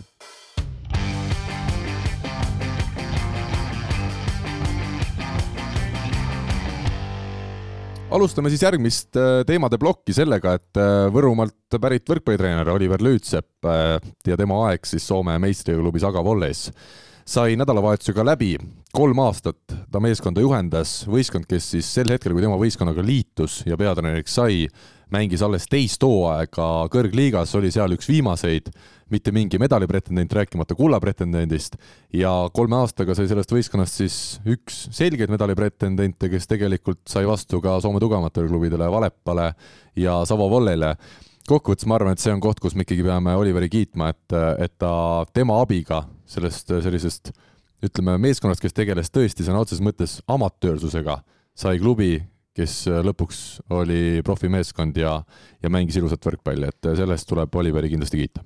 Jaa, loomulikult, ma lugesin selle intervjuu läbi ka eile, mis, mis sa Oliveriga tegid ja ja üks esimesi asju, mis mulle nagu sealt silma jäi, oli see, et kuidas nagu võistkonda aitavad need, noh, mitte nüüd pisiasjad, aga need asjad, kui tehakse võistkonda professionaalsemaks just seesamas, et mingid lõunasöögid, mida lubati algul, kõik mehed ise lõikasid kurki seal. ja mikrouunis klubiruumides. Vaata, ma selgitan ära ka, et kuna võistkonna lepingus oli mängijatel sees, et äh, lõunasöök peab olema iga päev laual, tasuta mingi koha poolt, aga seda kohta ei leitud rohkem kui kaheks korraks nädalas, millal siis seal kohalikus pubis said käia, siis ainus variant oli see, et, et täita lepingus olevat punkti, toodi siis klubiruumidesse mikrouun, seal tehti soojaks ja legionär Herrera Venezuelast ise tükeldas seda kurki seal siis poistele et äh, ja, ma saan aru, et järgmised aastad on ju siis juba oli olemas see lõunasöögi asi ja, ja seesama Herrera on ju, kes oli pikalt mänginud ja, ja, ja väga kõva legionär on ju, et, et panna ta kahe noorega ühte korterisse, et noh, see, see ei, ei kõlba, on ju, et Oliver äh, õnneks võitles need asjad kõik välja ja need asjad tegelikult ju loovad seda paremat õhkkonda klubisse meestel on mugavam olla ja sealt hakkab pihta see, et treeni kvaliteet on parem, mängud on, paremad, on ju, kogu see kvaliteet läheb ülesse. et eh, noh, võib-olla nüüd mitte nagu väga suurelt kiita ja ülitseda Oliver Lüütseppa, aga, aga vähemalt selle intervjuu järgi tundus küll, et tema tegi sellest amatöörvõistkonnast no vähemalt pool profivõistkonna, on ju mm. -hmm. no ikkagi professionaalse võib öelda, lõpus olid kaks meest, kes siis poole kohaga käisid tööl ja, ja vahel harva trennis ei saanud käia, aga põhimõtteliselt oli ikka võistkond, mis iga päev elas ja hingas ainult võrkpallilainel. täpselt, aga, aga siin tuleb mängu see, et ta on välismaalt võetud treener ja tema sõna seal maksab kordades rohkem mm. kui see Soome treener, kes seal võib-olla on, nõuab sama asja, on ju, öeldakse, ah Pekka, sa äh,, sa jaurad jälle. ja samamoodi jaurad, nagu sa seal õllekroosi taga jaurad pubis iga neljapäev, et ikka siin, et, et see välistreeneri osa sõna maksab rohkem mm. -hmm. ta võetakse sinna, talle makstakse palka, korralikku palka ja see tähendab seda, et tal on ka rohkem nagu võimalust nõuda mm. -hmm. ja, ja Oliver kasutas selle nagu väga hästi ära, nii endale tuli see kasuks, ma arvan, et võistkonnale tuli kasuks, võistkond äh, kindlasti arenes ja ma usun, et see võistkonna juhtkond ka saab aru, et tegelikult nii teha asju on võimalik aga minu jaoks lihtsalt kummastav see, et kui ta ütles esimene hooaeg, kuidas läks, oli vist eelarve kuskil kakssada üheksakümmend tuhat eurot. Ja nüüd lõpus siis kolmandal hooajal oli kolmsada kolmkümmend viis tuhat, et see on küll vahe, nelikümmend tuhat aga noh, see tegelikult see nelikümmend tuhat. kakssada üheksateist ei olnud. kakssada üheksakümmend. oli üheksakümmend, jah. et natuke alla kolmesaja oli, et tegelikult äh, see nelikümmend tuhat äh, rahaliselt ei tundu üldse nii suur, kui lõpuks see klubi nagu olemuslik muutus oli. et, äh, et ilmselt siis soomlased, niisugune väike klubi, väike koht, nad ei olnud kunagi teinud meistriliigas mingit asja, nad olid siis sinna just jõudnud, nad ei osanudki mõelda, et tegelikult sellesama eelarvega me oleme hoopis rohkemaks võimelised, aga eks seal, mis kaasa aitas, oli ka see, et kui hakkasid natukene tulemused juba tulema, siis tuli publik taha seitsesada inimest saalis, sealt tuleb siis äh, ütleme, see publiku raha, mis Oliver Kokk arvutas üle saja tuhande aastas, tuli kõik sellega seoses, et hakkas publikut rohkem käima ja, ja müüdi seda makkarat veel rohkem kui varem. Ja, ja nii see üks klubi kasvab, et see oli lahe vaadata, üks väike koht, viis, viisteist tuhat vist elanikke on seal Agas kokku, kuidas kerkiti Soomes võrkpallikaardile mitte kusagilt. Jaa, aga noh, nüüd jääb ainult loota, et nad hoiaksid ka seda stiili seal ja, ja, ja teeksid seda asja samamoodi edasi, et suudavad järgmine aasta veel kakskümmend tuhat, ülejärgmine aasta veel kakskümmend tuhat juurde panna, et siis, siis üks hetk nad võtavad seal need medalid ära ka, et ma olen üsna kindel selles. Jah, no seal on muidugi see probleem, et seal kahel esimesel klubil ongi vist kuussada tuhat kuskil see eelarve, et kui Savo ja Valepa on seal, et äh, Lüütsepp küll tõstis päris kõrgele klubi ja noh, ütleme Urbo Sivula, Soome koondise pikaaegne põhimees ju ei tuleks klubisse, kus ta ei saaks head palka, aga et ikkagi need kaks klubi on, on noh, neil on veel rohkem nii palju võimalusi, et, et ütleme, see juba medal iseenesest oleks Aga jaoks kindlasti järgmisel hooajal äh, edukas asi. ma olen nüüd mõelnud ja ma küsisin ka Lüütsepalt, et kas järgmine aasta mõni treener või mängija Eestis tagasi ikkagi läheb, et kas tema seal annab ka mingi hoo sisse, aga ta ütles, et pigem mitte. mina lihtsalt mõtlesin, et kas mitte Urmas Tali ise ei, kuidagi ei tekitanud seda kontakti Oliveril selle, selle Soome klubiga, et äkki Urmast pakkuda sinna, aga, aga seda on täna vist vara öelda ja, ja keeruline öelda nojah, mina arvan seda, et see, mina just arvan seda, et see, see välistreeneri toomine muutis selle klubi nägu ja muutis seda asja, onju. et seal võib olla see situatsioon, kus sul on äh, kus sul on see Aga klubi on ju, ta on ju väga pikalt olnud, on ju seal liigades igal pool figureerinud, ma ei teagi, kui pikalt oled sa kursis? no ma ei tea, ma tean, et meistriliigas nüüd oli siis järelikult neljas hooaeg see. noh, ma usun, et ta enne oli seal esiliigades ja möllas ka, on ju, et aeg-ajalt võib tekkida see situatsioon, kus sa teedki nagu ühte asja, sa teed äh, seda oma klubi tööd kakskümmend, kolmkümmend aastat, sa jääd ühe koha peal seisma. sul on vaja mingisugust muutust, eks ju, kui sa teed oma inimestega kogu aeg ühed samad näod, ühed samad asjad, on ju, siis sa ei suudagi välja mõelda sellest kastist enam, et sa oled seal ühe koha peal ja sa ei arene. ja siis võib tulla need jutud, et noh, näed, et meil klubi eelarved on väiksed ja, ja me ei saa siin ikka toetajaid ja asju, on ju. et, et selle koha pealt võib-olla ongi hea, kui tuleb kuskilt keegi teine mees ja tal on teine nägemus, teised nõudmised, teised asjad, mis paneb ka kogu selle teise süsteemi nagu tööle aga spordis ikkagi loetakse tulemust, see on paratamatu ja Oliveril siis äh, viimane hooaeg lõppes eriti õnnetult äh, veerandfinaalseerias. Läksid nemad põhiturniiri viies võistkond vastamisi põhiturniiri neljanda ehk Kokkolaga. esimene mäng kaotati kindlalt, teises, seejuures võõrsil peetud mängus oldi kaks-null ees ja kolmandaski kakskümmend kaks üheksateist ees aga siis laguneti, kaotati see kolmas skeem ja lõpuks kogu mäng kaks-kolm ja, ja sellisel moel siis sai äh, Oliveri see teekond seal Soomes läbi. ja nagu ta ise ütles, et aeg on tagasi tulla Eestisse, et ikkagi olgugi, et Soome ja Eesti vahel suuri vahemaid ei ole, kui sul on äh, naine ja laps või lapsed, et siis, siis see ei ole sugugi kerge. see ei ole nii, et käid jälle ja, ja oled, et seal ikkagi on päris keeruline nende kõikide asjade klappima saamine. no seal peab olema oma motivatsioon ja ma arvan, et seda situatsiooni, kuidas või seda olukorda, kuidas Oliveril nüüd see Soomes siis vähemalt esialgne treeneri karjäär lõppes, on ju, et seda võib võtta mõlemat pidi, et muidugi ta on kurb ja ja, ja natuke nagu negatiivne, et ta nii lõppes. aga ma arvan, et Oliveri-sugusele mehele andis see juurde veel rohkem motivatsiooni, et edasi minna, et ta ma ei usu, et Oliver tuli sealt nüüd ära nii, et oh, nüüd on tehtud, on ju, nüüd on äge kõik, et pigem on, aeg-ajalt on hea, kui jääb sisse see väike mingisugune kurat, et midagi jäi puudu, on ju. Mhm. et see on niisugune mõnus edasiviiv jõud. aga eks see jah, see treeneri üldse see roll ja, ja kõik see on ju päris karm meil siin maailmas, ega mõtleme, kui nüüd Oliver tuleb tagasi Eestisse, ma eeldan, et Tartu pakub Alar Rikbergile uut lepingut, seni on ju tööd tehtud hästi, et mis siis, mis see variant on äh, Oliveril, et kas siin mõni teine Eesti klubi, ütleme, kui Saaremaa peaks jätkama mängimist ikkagi sügisel, nii me loodame, ja ütleme, Kalmasiidist ei ole, kas tõesti võiks nemad tunda huvi Oliveri vastu, mis teeb Rainer Vassiljev, Tallinna Selveri peatreener järgmisel hooajal, äh, Pärnus ma usun, et Taavo Keel on ikkagi jätkamas. Äh, TalTechi asju ma nii täpselt ei, ei ole kursis, aga noh, Sirelpuu on ka seal pikki aastaid olnud, tundub vähetõenäoline, et ta nüüd äkitselt ära läheks, kuigi see info selles osas puudub. et, et ega neid vabu kohti ju, kui sa tahad ikkagi tõsiselt profivõistkonnaga tegeleda, Eesti treener, ega neid äh, lihtne leida ei ole praegu. viis kohta on, kui ja. me räägime noh, profivõistkondadest on ju, või Eesti liiga võistkondadest.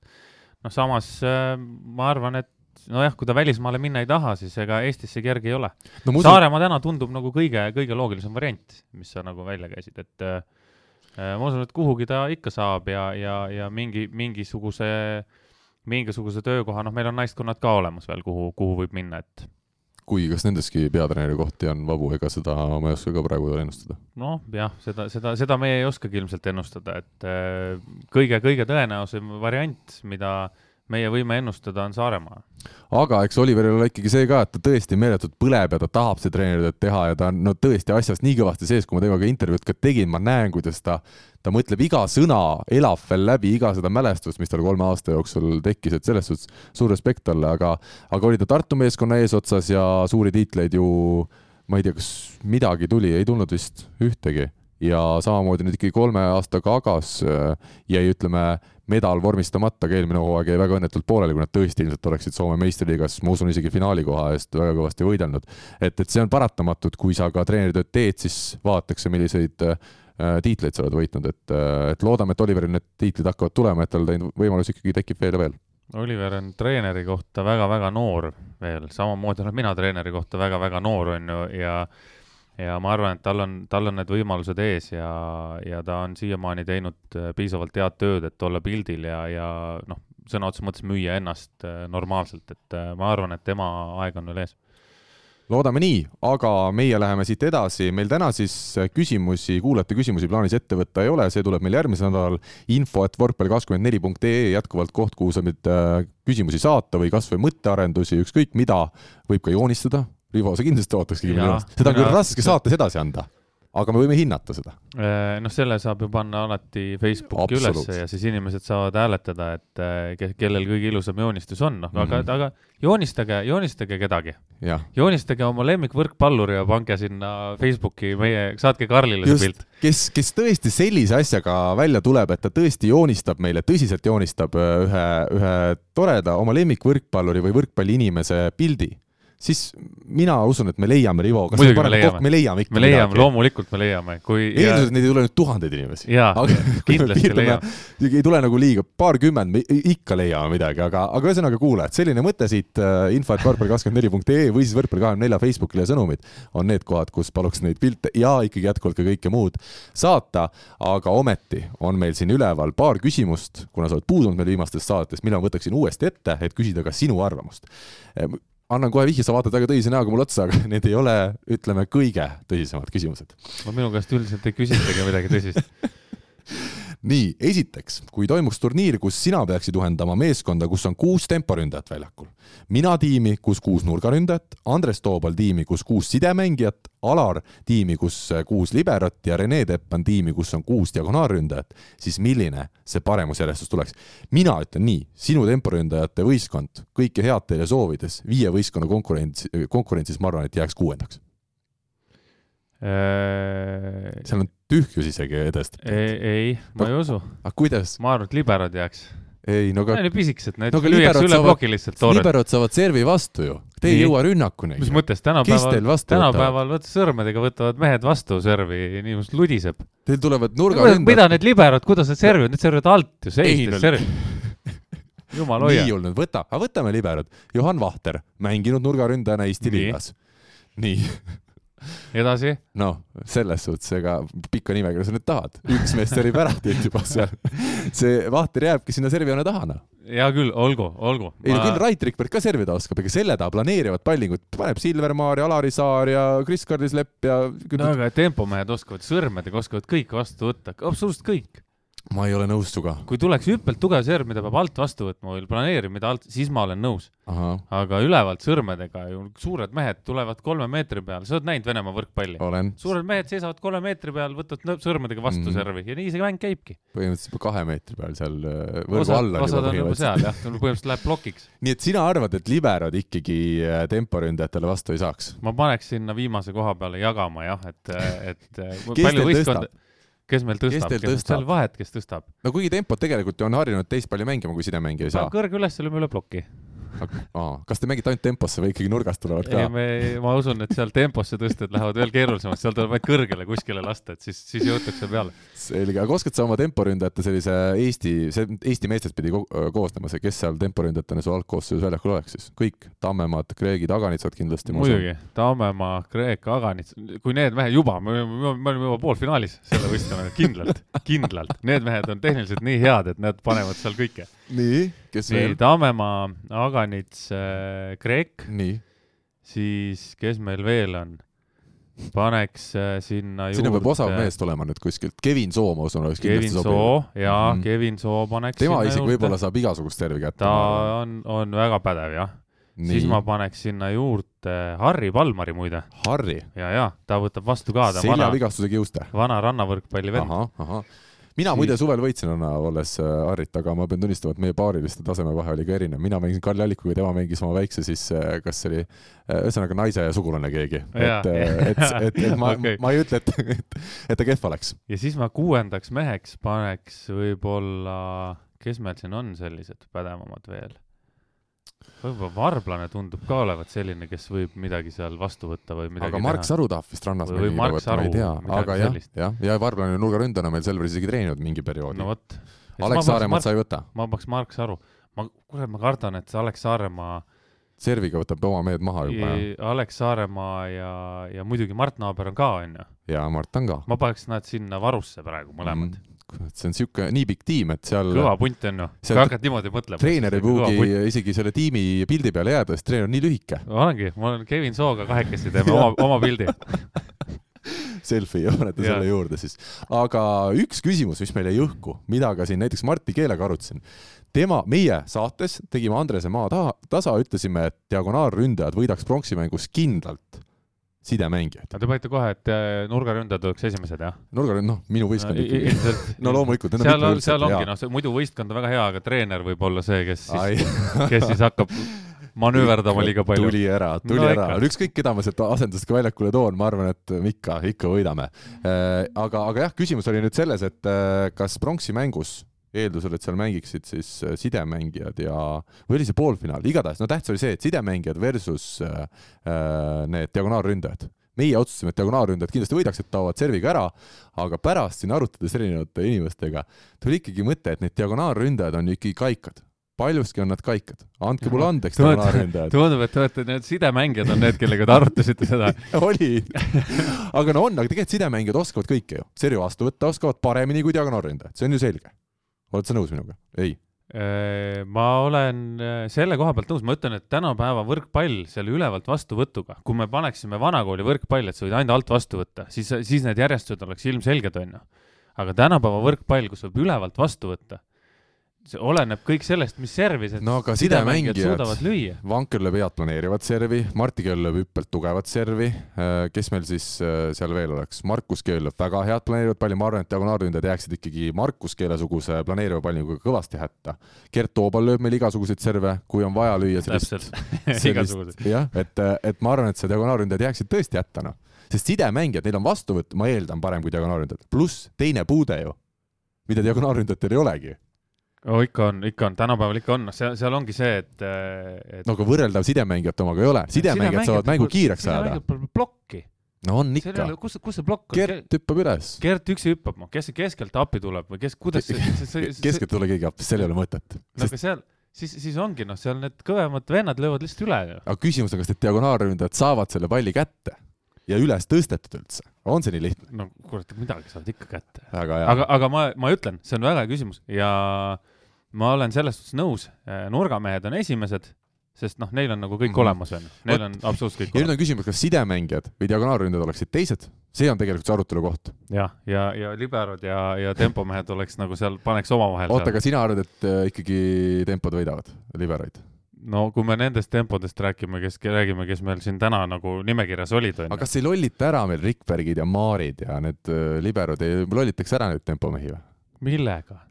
No vot, seda ma ei tea. millega no.? seal on ainult võimalus plokist out'i visata pall ei no kuulge, meil on äh, Diago mehed, kes suudavad ju teha tempodena täna kõik, et me ei ole selle, selles ajastus enam, kus mm, -hmm. Kus kuigi vanasti poole... võttis temporündaja, sa ise mäletad neid aegu, võttis temporündaja tagaliinis servi vastu, siis kui liberat veel ei olnud. äkki siis hoopis temporündajad olid osavamad? no siis ükski temporündaja ei osanud tõsta, null, no see oli nii, et nii kui temporündaja käed üles tõstis, kohtunik sirestas kohe ära et sealt mingi jama tuli. selge, ühesõnaga. väga, see on väga küsimus. on ja, ja mina võtsin meelega, ma ütlen ausalt, ma võtsin lihtsalt sellepärast äh, sellised seisukohad praegu, et Rivoga vaielda saaks. aga Mi... siin on jälle, tuleb mängu see, kus äh, mõni targem IT-vend võiks ikkagi teha mingi sellise programmi, et kus sa saad panna meeste nimed sisse seal on mingid ära. andmed, on ju, mis on igast statistilised andmed ja siis ta näitab ära, et milline võistkond aga oleks vaata, nendest kõige nagu potentsiaalsem võit. spordis on X-faktor, mida ei saa mitte kuhugile paberi peale õnneks kirja panna, see spordis teebki erilisem, aga aga Teie nurgaründajate X-faktor on treener, ma juba ennem ütlesin ma saan aru, ma võin ka ära minna, ma võin ka mitte,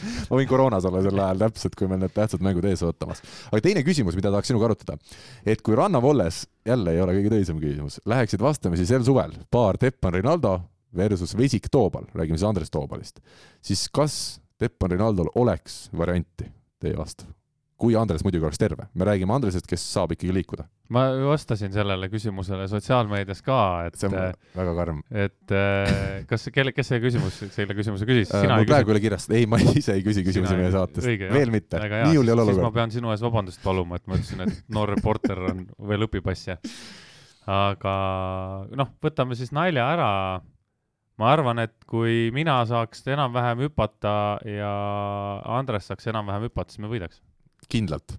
see on see küsimus, sest kõik ja, arvavad, et te olete paremad. mitte üsna kindlalt, aga, aga ma arvan, et me siiski võidaks, jah mm. -hmm. ütlen otse ausalt ära, nagu ma eelmine aasta ütlesin sulle, sinu ma servin ära. taktika, puht servi taktikaga ma liigutan nii. sa võtad ikka minu kas... ette, mitte Teppani samas ei ole väga vahet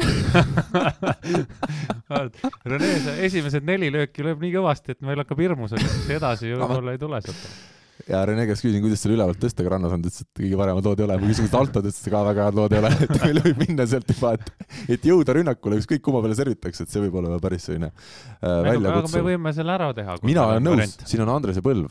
Või siis me võtame kellegi teise toobali, seal on paar toobalit, ma olen kuulnud veel, on elus mänginud võrkpalli selles on, peres. kõik vist on mänginud. jah, et sealt saab selle. tundub, et Gert on kõige tervem nendest. jah, jah, igavesti terve, tui-tui-tui. aga mis on nüüd kõige kahetsusväärsem, head kuulajad, hea Rivo, et ikkagi, kui sa selle kommentaari sinna Facebooki panid, et vabandad ja et siin ei ole küsimustki ja nii edasi siis üks sinu selle mõtte nii-öelda jagajaid, kes siis like'is seda, oli minu enda paarina Rene Teppan, nii et ma pean tunnistama, et juba enne, kui meil esimesed treeningud koos on Renega tehtud, on meil tõsised konfliktid. Teil on jutuajamine ees juba. meil on ootamas jutuajamine, kus ma tean, et mina lähen sinna peale jutuga, et kuule, Rene, mis värk on? ja jutuajamine lõpeb sellega, et ma ütlen kõigile, kõigile, mis Rene ütleb, jaa, jaa, okei. Okay. Rene vastab sulle lihtsalt ei, Karl. just, nagu me oleme harjunud aga väga hea, meil on äh, aeg võtta tänases saates ette järgmine teema. milles case? kui otsid telefonile kaitseklaase, ümbriseid laadijaid ja muid tarvikuid ning vajad esimese tempo kombel kiiret kättetoimetamist, siis mine vaata www.case.ee ja tõesti, nii nagu selja taha jäänud kõll tõestas, on meil uus väike toetaja saatel juures.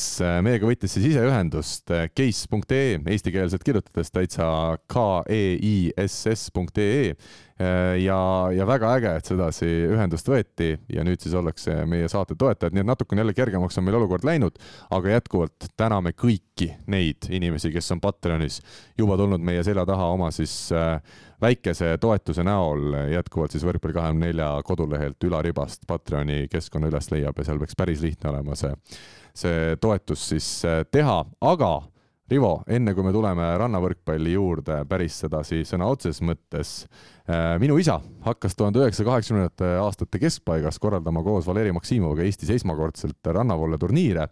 Ja sellega seoses leidsime uude korterisse kolides siin mõned ajad tagasi Nõukogude aja lõpuperioodist ühe täiesti tutika väljanägemisega Nõukogude, Nõukogude Liidu koondise rannavolle särgi. ma näitan sulle seda ka võimalik, et see kuulus siis mõnele meie mängijale tol hetkel, kes äh, Nõukogude Liitu MM-il esindamas äh, käis. isa igatahes täpselt ei osanud enam öelda, kelle oma see olla võis ja kuidas see siis tema kätte sattus. igatahes kuulajad nüüd võib-olla arvavad, et ma tahan Rivale selle kinkida, aga sugugi ei. nii hea inimene ma pole, sellist rariteetset asja ma hoian harrastusvõrkpallurina ja harrastus rannavõrkpallurina ikkagi kodus tähtsal kohal edasi. aga ma mõtlesin, et kas sa oleksid nõus, et kui me pärast võib-olla saadet teeme pildi siin saate pildi, et kas siis tõmmata äkki see selga, et see on ikkagi natukene nagu sinu tegemistega ka seotud, see särk. oled sa nõus? et ma ei tea, kas see on lubatud tänapäeval või? kas sponsorid või? ei, mitte sponsorid, aga sellist lippu, kas äh, on, äh, on nagu presenteerimiseks, on see viisakas või ei ole? ma tean, Haakristi väga ei, nagu ei soovitata aga.... nojah, ma ei tea, kuidas sellega on Igatahes... mina võin selle selga panna, aga. no kui see läheb sulle muidugi, see on niisugune aga tea, see tundub, et see, see võib olla. siin on kirjas uh, Beach Volleyball World Series. see võib olla üks, kas ta võib olla mitte päris kaheksakümnendate keskelt, ta võib olla üheksakümnendate algusest või? Äh, no, jaa, kindlasti ei olnud kes-, keskelt, sest siis alles hakkas asi pihta. aga siis ei olnud ta, siis ei olnud enam Venemaad see võib olla kaheksakümmend üheksa aasta mm. kus meie omad olid? kus olid, äh, mängisid minu arust Tikas Niinemägi, kui ma ei eksi. see võib olla sellest ajast, sest minu arust siis enam-vähem kuskil seal, kas kaheksakümmend seitse, kaheksakümmend üheksa algas see World Series pihta. et ta võib olla selle, selle aja särk küll, mis on muidugi väga-väga haruldane ja väga rariteetne asi ju jaa, sest, äh, sest nemad ju tegelikult olid esimesed, kes Nõukogude Liitu, Niinemägi ja Tikas siis ja. Äh, üldse Nõukogude suurt impeeriumit esindasid rannavõrkpallis rahvusvahelisel äh, mängul ja, ja see oli, see oligi kaheksakümnendate jah, lõpp ma nüüd jah, täpselt aasta jään võlgu. see võis olla tuhat üheksasada kaheksakümmend kaheksa tegelikult. MM-id on paaritud arvud aastad mm. -hmm. on iga kahe aasta tagant ja nad on olnud algusest peale minu arust äh, paaritud arvud, sest ma pakun kaheksakümmend üheksa pigem, aga võib-olla või midagi muud saab. võis olla küll, et kaheksakümmend kaheksa hakkad seda asja ajama ja kaheksakümmend üheksa mängid, ühesõnaga, et meil on ikkagi rannavõrkpallis Eestis selles suhtes kõva traditsioon, et, äh, et Nõukogude Liidu esimesed esindajad olid, äh, olid eestlased sel alal ja, ja vaadates, kuhu täna ikkagi kala on jõudnud omadega, siis, äh, siis päris äge, et, et meil sellised mälestused on võtta siit alast. ja, ja ma ütlen selle kohta nii palju, et seal oli ma olen kuulnud seda lugu, kuidas nad sinna lendasid või reisisid sinna, Laimos Raudsepp vist oli neil kaasas. oli jah, treenerina. lendasid kuskilt äh, teist poolt üle mingi Siberite ja asjade, täiesti nagu te, läbi Kanada ja, ja mingite asjade lendasid, et et see on, see on äge lugu ja äge, et selline, selline asi on olemas. Äh, kaheksakümmend üheksa aasta oli esimene mm. mm. -hmm. just siin Vikipeedia andis mulle välja, et äh, First Tour oli kaheksakümmend üheksa aasta. Ja järgmisel MM-il olid juba minu arust Keila Kreen meid esindamas. Äh, täitsa võimalik jah, MM-idel on üldse, kui nüüd võtta tagasi, on ju siis äh, praktiliselt nüüd siin kuni viimasteni välja praktiliselt igalühel on olnud Eesti meespaar. Eesti meespaar peal, jah. Nüüd siis on see auk sisse tekkinud või? auk tekkis sisse puhtalt sellepärast, et äh, võeti sinna kaheksa paari Aafrikast, kellel on null reiting, et äh, Ja. sellepärast, muidu oleks olnud ka siin peal, et Mart ja Kusti on täna kolmekümne seitsmendad maailma edetabelis vist ja ja selle, sellega nad saaksid rahulikult sinna peale, et äh, jube kahju on sellest, et seda asja nii tehakse praegu, ma saan aru, see on poliitiline otsus ja ja olümpial samamoodi ju. ja noh, olümpial on vähem, olümpial on üks paar, on Aafrikast, kes saab ja noh, aga, aga kaheksa paari MM-ile äh, null punktiga põhimõtteliselt oli seal, isegi rohkem on, et kui Lõuna-Ameerika ka kokku võtta sealt, kust igast Brasiilia teist ära on võetud, siis null punktiga paar oli eelmisel EM-il äkki kas üheksa. MM-il jah mm -hmm.? MM-i finaalis, mis äh, tegelikult, tegelikult minu jaoks on, on, on selline, noh, ta, ma, ma ütlen veel kord, poliitiline otsus on ju, aga ta selle turniiri teeb kordades nõrgemaks mm, -hmm. kordades nõrgemaks. Ja need mehed, kes tegelikult on ära teeninud selle, kes seal võiks olla, nemad sinna peale ei saa. Ja populariseerimise mõttes äh, nii, nii kaua, kuni seda on tehtud, seda asja, viimased äkki kolm MM-i või, ega sealt Aafrikast neid võistkondi juurde pole tulnud, et sa mm, -hmm. sa võid ühe korra neile selle wildcard'i anda, aga, aga ne-, ne-, nendel on ikkagi mängimiseks vaja raha ja treenereid ja, ja reisimiseks raha, et see üks wildcard ei päästa. mis tasemel nad on Eesti meistrivõistlustel?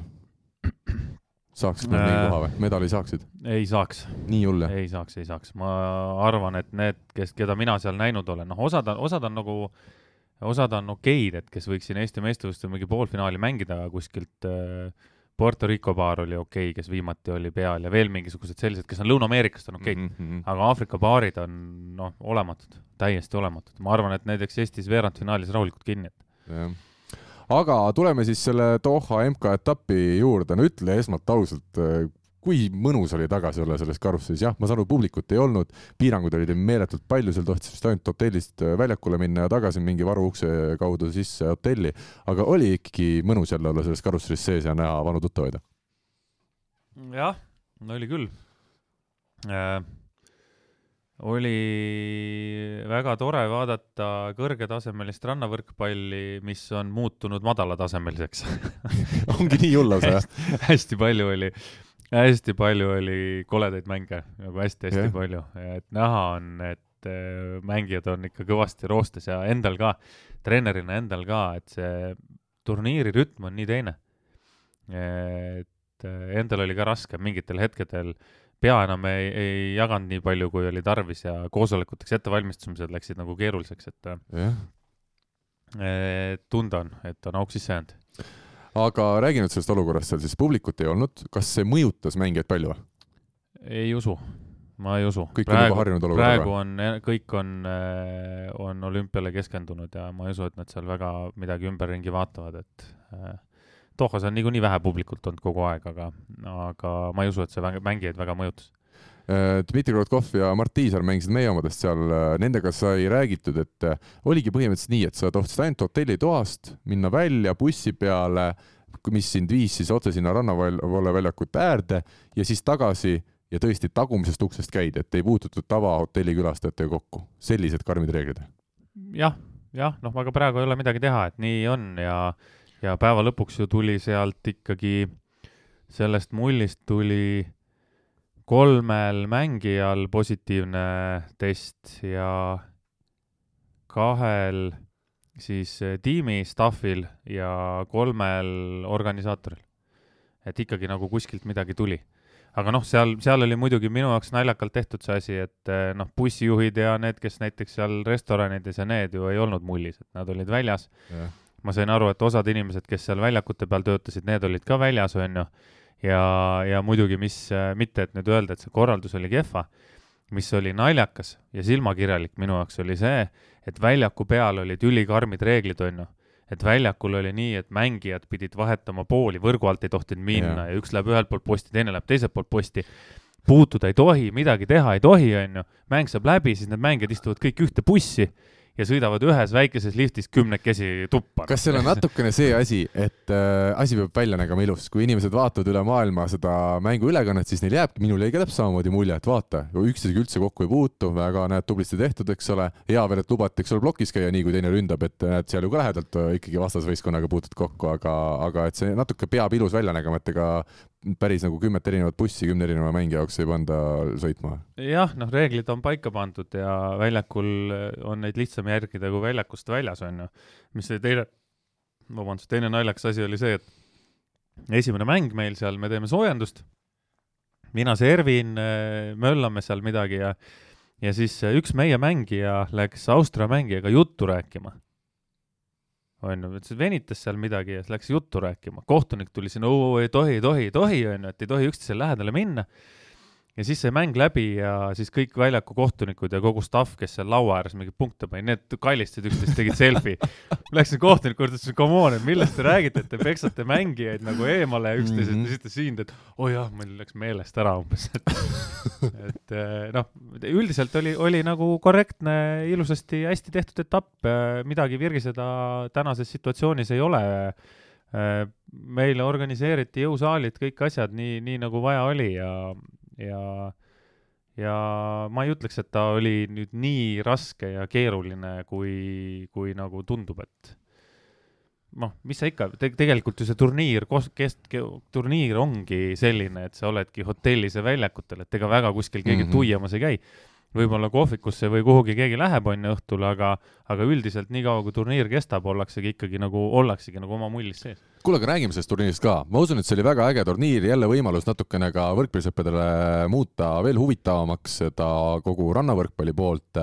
meeste turniiri võitsid ja panid siis kakskümmend tuhat eurot äh, auhinnaraha taskusse. tšehhid, kahekümne kuue aastased Berusic ja Schweiner maailma neljateistkümnes duo, mitte kunagi ühtegi taolise tasemega MK-etappi ei olnud võitnud.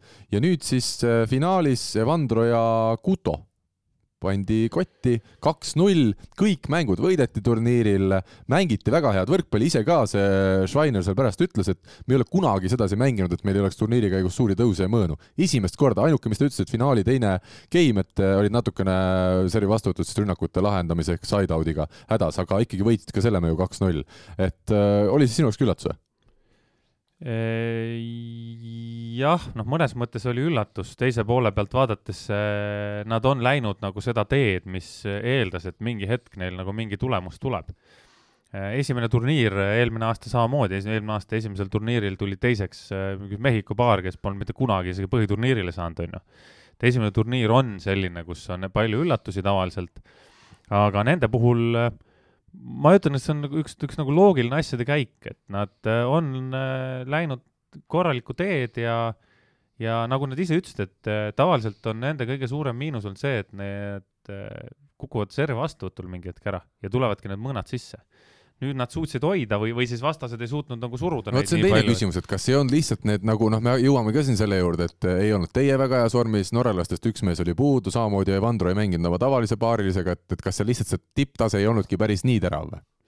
Äh, ei, ei olnud jah, et nagu ma ütlesin ka, et tegelikult oli seda koledat võrkpalli oli päris palju, noh, Evandro puhul, Evandro puhul äh, kogu see turniir kinnitas taaskord seda, et mida nagu varem sa temaga mängid, seda raskem sul on, sest ta servib, ta paneb nii hullu servi ja kui ta turniiri lõpupoole hakkab ära väsima füüsiliselt, siis tal see serv läheb alla, siis on temaga lihtsam mängida lihtsalt mm.. Mm. ja samamoodi Kuto ka, et seal viimases mängus, ega see muidu Kuto pani seal ikka täiesti hullu, onju, ja viimases mängus ta ei olnud nagu nii hea.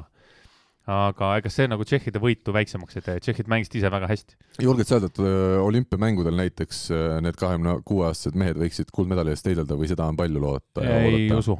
Nii head nad ikkagi ei ole? ma ei usu jah, see on, seal on juba, läheb nii psühholoogiliseks asi, et äh, üldiselt on seal ikkagi vähe pikema karjääriga mehed ees ja kes, kes on võitnud nagu tõsisemaid võistlusi ka, et Läheme edasi, valitsevad maailmameistrid, sina neid ka omajagu hästi peaksid tundma, Oleg Stojanovski ja Vjatšeslav Krasilnikov siis öö, jõudsid veerandfinaali, aga kaotasid seal siis hilisematele kolmanda koha omanikele, ameeriklastele Jacob äh, Kiib on õige või?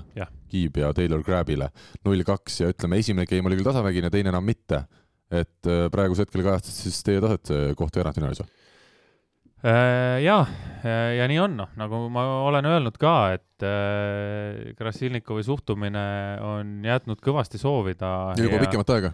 juba pikemat aega ja tema sellest veel enne seda turniiri aru ei saanud, aga kui ta ütles ise ka, et ta füüsiliselt ei jaksa, siis noh, meie jutuajamise peale, siis peale turniiri, et sa, et me füüsiliselt ei jaksa sellepärast, et me ei ole teinud nende raskustega trenni, millega sa oled harjunud, on ju et sa vastupidi, et praegu peaks nagu jõusaali pealt minema siia trenni või siia, et sa peaks füüsiliselt jaksama, aga tehniliselt võid olla nagu mäda, on ju. siis, äh, siis ta nüüd, nüüd nagu sai sellest poolest aru. et ta ei jaksanudki, tal ei olnud oma löögikõrgusi, tal ei olnud oma, oma nagu kiirusi, aga üldiselt äh, me ei oodanud sellest äh, turniirist, noh, ma ootasin poolfinaali tegelikult. aga, aga nagu väga kõrgemat tulemust ei oodanud, sest äh, seal nii palju uusi asju, mida me oleme tegelikult sellele võistkonnale juurde lisanud ja mis näitavad, mis, mis, mida see turniir näitas ka, et ega nad seal ennast väga mugavalt ei tundnudki. aga nagu ma ütlesin, et eh, nad peaks tegelikult olema praegu füüsiliselt tugevad ja tehniliselt nõrgad. Eh, nüüd oli, oli see, et ei, ei tulnud tehniliselt väga ja ei tulnud ka füüsiliselt väga, on ju. positiivne on see, et sellise viiekümneprotsendilise mängimise pealt viies koht on okei okay,, ma arvan mis sa nüüd ütlesid, te olete midagi muutnud, midagi uut õppinud, oskad sa natukene siin äh, meile anda siseinfot ka, et äh, mida siis on veel juurde võetud? Äh, noh, Krasilnikovile pandi, panime juurde kolm rünnaku positsiooni ja kolm rünnaku kiirust, eks niisugune poolkiire tõste, kiire tõste ja, ja siis kolm nagu veerrünnaku positsiooni, et kui tal oli antenn, siis umbes niisugune poolteist meetrit antennist, siis keskel, selja taga on ju, tõsted siis nüüd lisati sinna siis antennikiire, eh, keskele meeter ja selja taha siis kiire tõste ka. see on ideaalse vastuvõtu korral? see on ideaalse vastuvõtu korral, et siis ta seal olenevalt vastasest ta siis valib, mis ta teeb, on ju. kas seda otsustatakse enne igat pallivahetust koos Olegiga lepitakse kokku või see on mingi laiem plaan, et enne seda mängu vaatame, ahah, meil on need mehed vastas, nüüd me mängime, kasutame, ütleme kahte erinevat tõstet? Eh, üldiselt ikka kolme, üldiselt kolme vähemalt, et äh, aga, aga see, see on enne mängu jah, et Aha. kuida-, kuidas kellegiga mängida. ja nüüd ongi noh, nüüd on meie ülesanne see, et eh, vaadata, analüüsida läbi, et ma täna sain kõik need videod kätte, ma pean hakkama vaatama neid, et eh, analüüsida nüüd läbi, et mille me sealt reaalselt jätame, sest tegelikult, kui me lisame sinna kõik need tõstekiirused, on ju, keskmine kiirus, kõrge tõste, kiire tõste, siis me saame kokku sinna mingi niisugune kaheksateist varianti ja siis me peame nüüd ära filtreerima, et mis me jätame, mis me ei jäta, et me jätaks pigem selline pool nendest. minu küsimus on see, ajakirjanikuna tuleb ikka küsida, äh, kui me räägime olümpiahooaeg on käes, selliseid asju juurde panna, katsetama hakata, kas sa, kas te mõtlesite väga sügavalt selle läbi ja te leidsite, et seda lihtsalt on nii väga vaja, kui ikkagi tahta olümpiamängudel selle kuldmedali eest võidelda või? aga sinna on nii palju aega, et me saame, neil on baas olemas, noh, meil on selles suhtes lihtne, et neil on üks baas on olemas, mille pealt nad saavad mängida ja nad saavad mängida selle pealt üsna hästi, me paneme sinna juurde üritame siis koos mängijatega panna sinna juurde mingisuguseid käike veel, on ju, noh, nagu, nagu ma ütlesin mängijatele, et eh, kui me hakkasime sellest rääkima siin eh, novembris, et me võiks sinna juurde panna ja küsisime nende käest ka, et mis te sellest arvate, siis äh, mina seletasin neile seda nii, et võtate sellega nagu, nagu oma selle tööriistakasti on ju kodus, et kui sul on vaja lüüa naela seina, siis sul on haamer selleks, kui sul on vaja kruvi keerata, sul on kruvikeeraja, et sul on neid tööriistu ja neid asju, vahendeid, millega nagu lahendada olukorda, sul on nii palju mm -hmm. lõpuks. et sa saadki enne mängu võtta endale, okei okay,, me teeme seda, seda, seda, kasutame neid rohkem, on ju, ja sul on iga võistkonna vastu mingi hetk on sul olemas vähemalt midagi, mis natukenegi toimib, on ju. et kui panna nagu ühte, ühesugust mängu kogu aeg siis, äh, siis tänapäeval läheb juba raskeks, et juba seesama serviga liigutatakse sind nii ühte kohta ära, et tullakse sinna plokimängijale mugavasse kohta ja kaitsemängijale. no siis me lisasime Olegile paar ploki varianti need ei töötanud üldse praegu, et nüüd me peame mõtlema, et kas me sinna, sinna läheme või ei lähe. mida tähendab ploki variant? tavainimesel tundub, et hüppad võrgu kohal üles, kas on kokku lepitud piir või diagonaal ja katad selle ära? no ongi, kuidas sa seda piiri katad või diagonaali katad, et kas sa lähed mängijale otse vastu, hüppad pettega, sammu pettega kuskilt, on ju, et me panime sinna paar varianti juurde, aga, aga see noh, kaitsemängu ja ploki asi on keerulisem kui see rünnak, et seda me nüüd vaatame, et me otsustame selle maikuuks ära, et kas me lisame või ei lisa selles suhtes on aega, ei, ei, ei muretse, et ja nagu ma ütlesin, meil on baas olemas, et me saame alati tulla tagasi nagu oma koha peale, et minu küsimus nüüd äh, vahel jälle, eelmisel suvel oma harrastajast äh, rannavalvepaarilise Marioga, tervitused siin talle, kindlasti kuulab meid. Äh, vaatasime ka erinevat Youtube'is, noh, tahtsime paremaks saada, eks ole, Estikat etapid, et ei saaks päris kõiki mänge kvalifikatsiooni esimeses ringis tappa. ja, ja vaatasime seal, keegi siis tarkadest rannavõrkpalluritest oma Youtube'i kanalis õpetas, et üks variant plokis on see, et ajad mõlemad käed laiali, et lepidki kokku, et ei võta piiri ega diagonaali, vaid ajad käed laiali ja jääb hoopis keskele tühjus ja siis kaitsemängija on seal keskel, siis väljaku keskel. ja läksime trennis, noh, meil olid vist äh, tol hetkel Danila ja Povjakel vastas, kellega me palju trenni koos tegime, mõtlesime, et noh, nüüd hakkame kasutama, nüüd hakkame tegema ja minu arust nad ei jäänud kordagi ei sellesse plokki kinni ega ei löönud sealt läbi, et kuidagi nad ikkagi toid oma punktid ära ja ei töötanud. ma lihtsalt küsin vahele, et kas sellist käte laiali asemis, ajamistaktikat teie nüüd oma paariga ei ole kasutanud? Äh, me päris seda ei kasuta jah, me kasutame küll, aga, aga natuke teistmoodi, et see on niisugune modifitseeritud variant, et me kasutame nii, et Oleg keskelt viskab nagu käsi laiali, aga Slava võtab ikkagi mingisuguse aha, suuna kinni, sest tegelikult seda hetke näha ja keskele lüüa on üliraske nagu üliraske. Ja teine variant on see, et kui ta ikkagi kaitsemängijat näeb, see mängija, siis ta mingit suunda hakkab võtma ja siis, siis on sellest käest nagu minu arust rohkem kasu mm aga mängitakse nii jah, see mängitakse nii ka, et oodatakse keskel seda. aga see on pigem siis selline üllatusmoment, mulle tundub või? seda ei tehta ja. ju läbivalt, see on ja. üks hetk, sa lepid kokku, et teeme nüüd nii ja siis tuleb vana asja juurde tagasi. üldiselt, üldiselt on tänapäevane rannavõrkpall on ikkagi ütleme, niisugune seitsekümmend protsenti plokkpiiri ja, ja sealt oleneb, kuidas seda, seda hüppad ja kuhu sa hüppad ja kas sa petad või ei peta, on ju, et äh, seitsekümmend protsenti võetakse piiri kinni üldiselt? enamus jah, et mm. me vaatasime just üle, kuna meil oli see plokikaitse asi oli ikka täielik äh, vabandust väljendusest, pornograafia seal äh, Kataris, siis me vaatasime üle, mis protsendid meil seal olid ja mis protsendid meil olid näiteks nagu noh, parematel turniiridel on ju, kus me oleme mänginud, siis äh, Kataris täna oli viiskümmend protsenti plokkpiiri ja siis ülejäänud oli kas kombinatsioon või plokkdiagonaali ja näiteks MM-il oli seitsekümmend neli protsenti oli plokkpiiri, no tuimalt plokkpiiri ja, ja kaitsemängi numbrid kõik, kõik nagu näitasid, et see on nagu parem meie jaoks.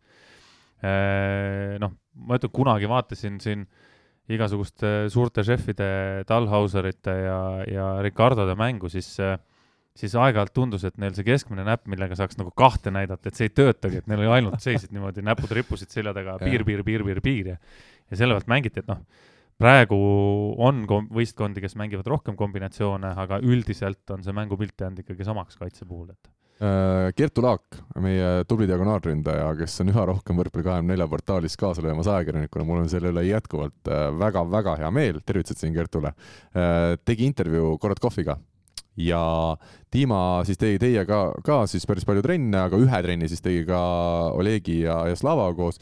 Ja ta ütles, et see on ikkagi masinlik, tema iseloomustus, et see oli ikkagi puhas kordade arv, väga tõsine töö, et kui seal rannavõrkpallis vähemalt Dima ütles nii, et äh, osad võtavad päris lõbusalt seda protsessi, äh, siis teil oli ikkagi väga konkreetne töö tegemine ja ega seal emotsiooni ka väga palju ei olnud, tehti lihtsalt asja nii, nagu parasjagu ette oli nähtud ja, ja töö käis nagu täiega jah no. oled sa nõus selle iseloomustusega? olen, selle trenni ja selle laagri kohta küll, jah, see pidigi olema selline töö. Neil oli raske füüsiline veel, veel käimas, mis on, võtabki, kurnab nagu läbi, noh, nii raske, kui ta täna nende jaoks on, on ju. tegelikult oleks pidanud seal kordades raskem olema. Äh, üks asi on see, et äh, oli raske füüsiline, teine asi oli see, et neil oligi see trenn, mis me tegime, oligi konkreetsed ülesanded, mille nad pidid keskenduma. ja, ja seda, noh, nad, nad teevadki nagu masinad, et ega seal äh, suurt mingisugust niisugust äh, oma loomingut nendel hetkedel ei ole, on ju, kui, kui meil on konkreetsed ülesanded kätte antud, kui me mängime, siis on teine teema, et siis mm -hmm. nad panevad nagu teist.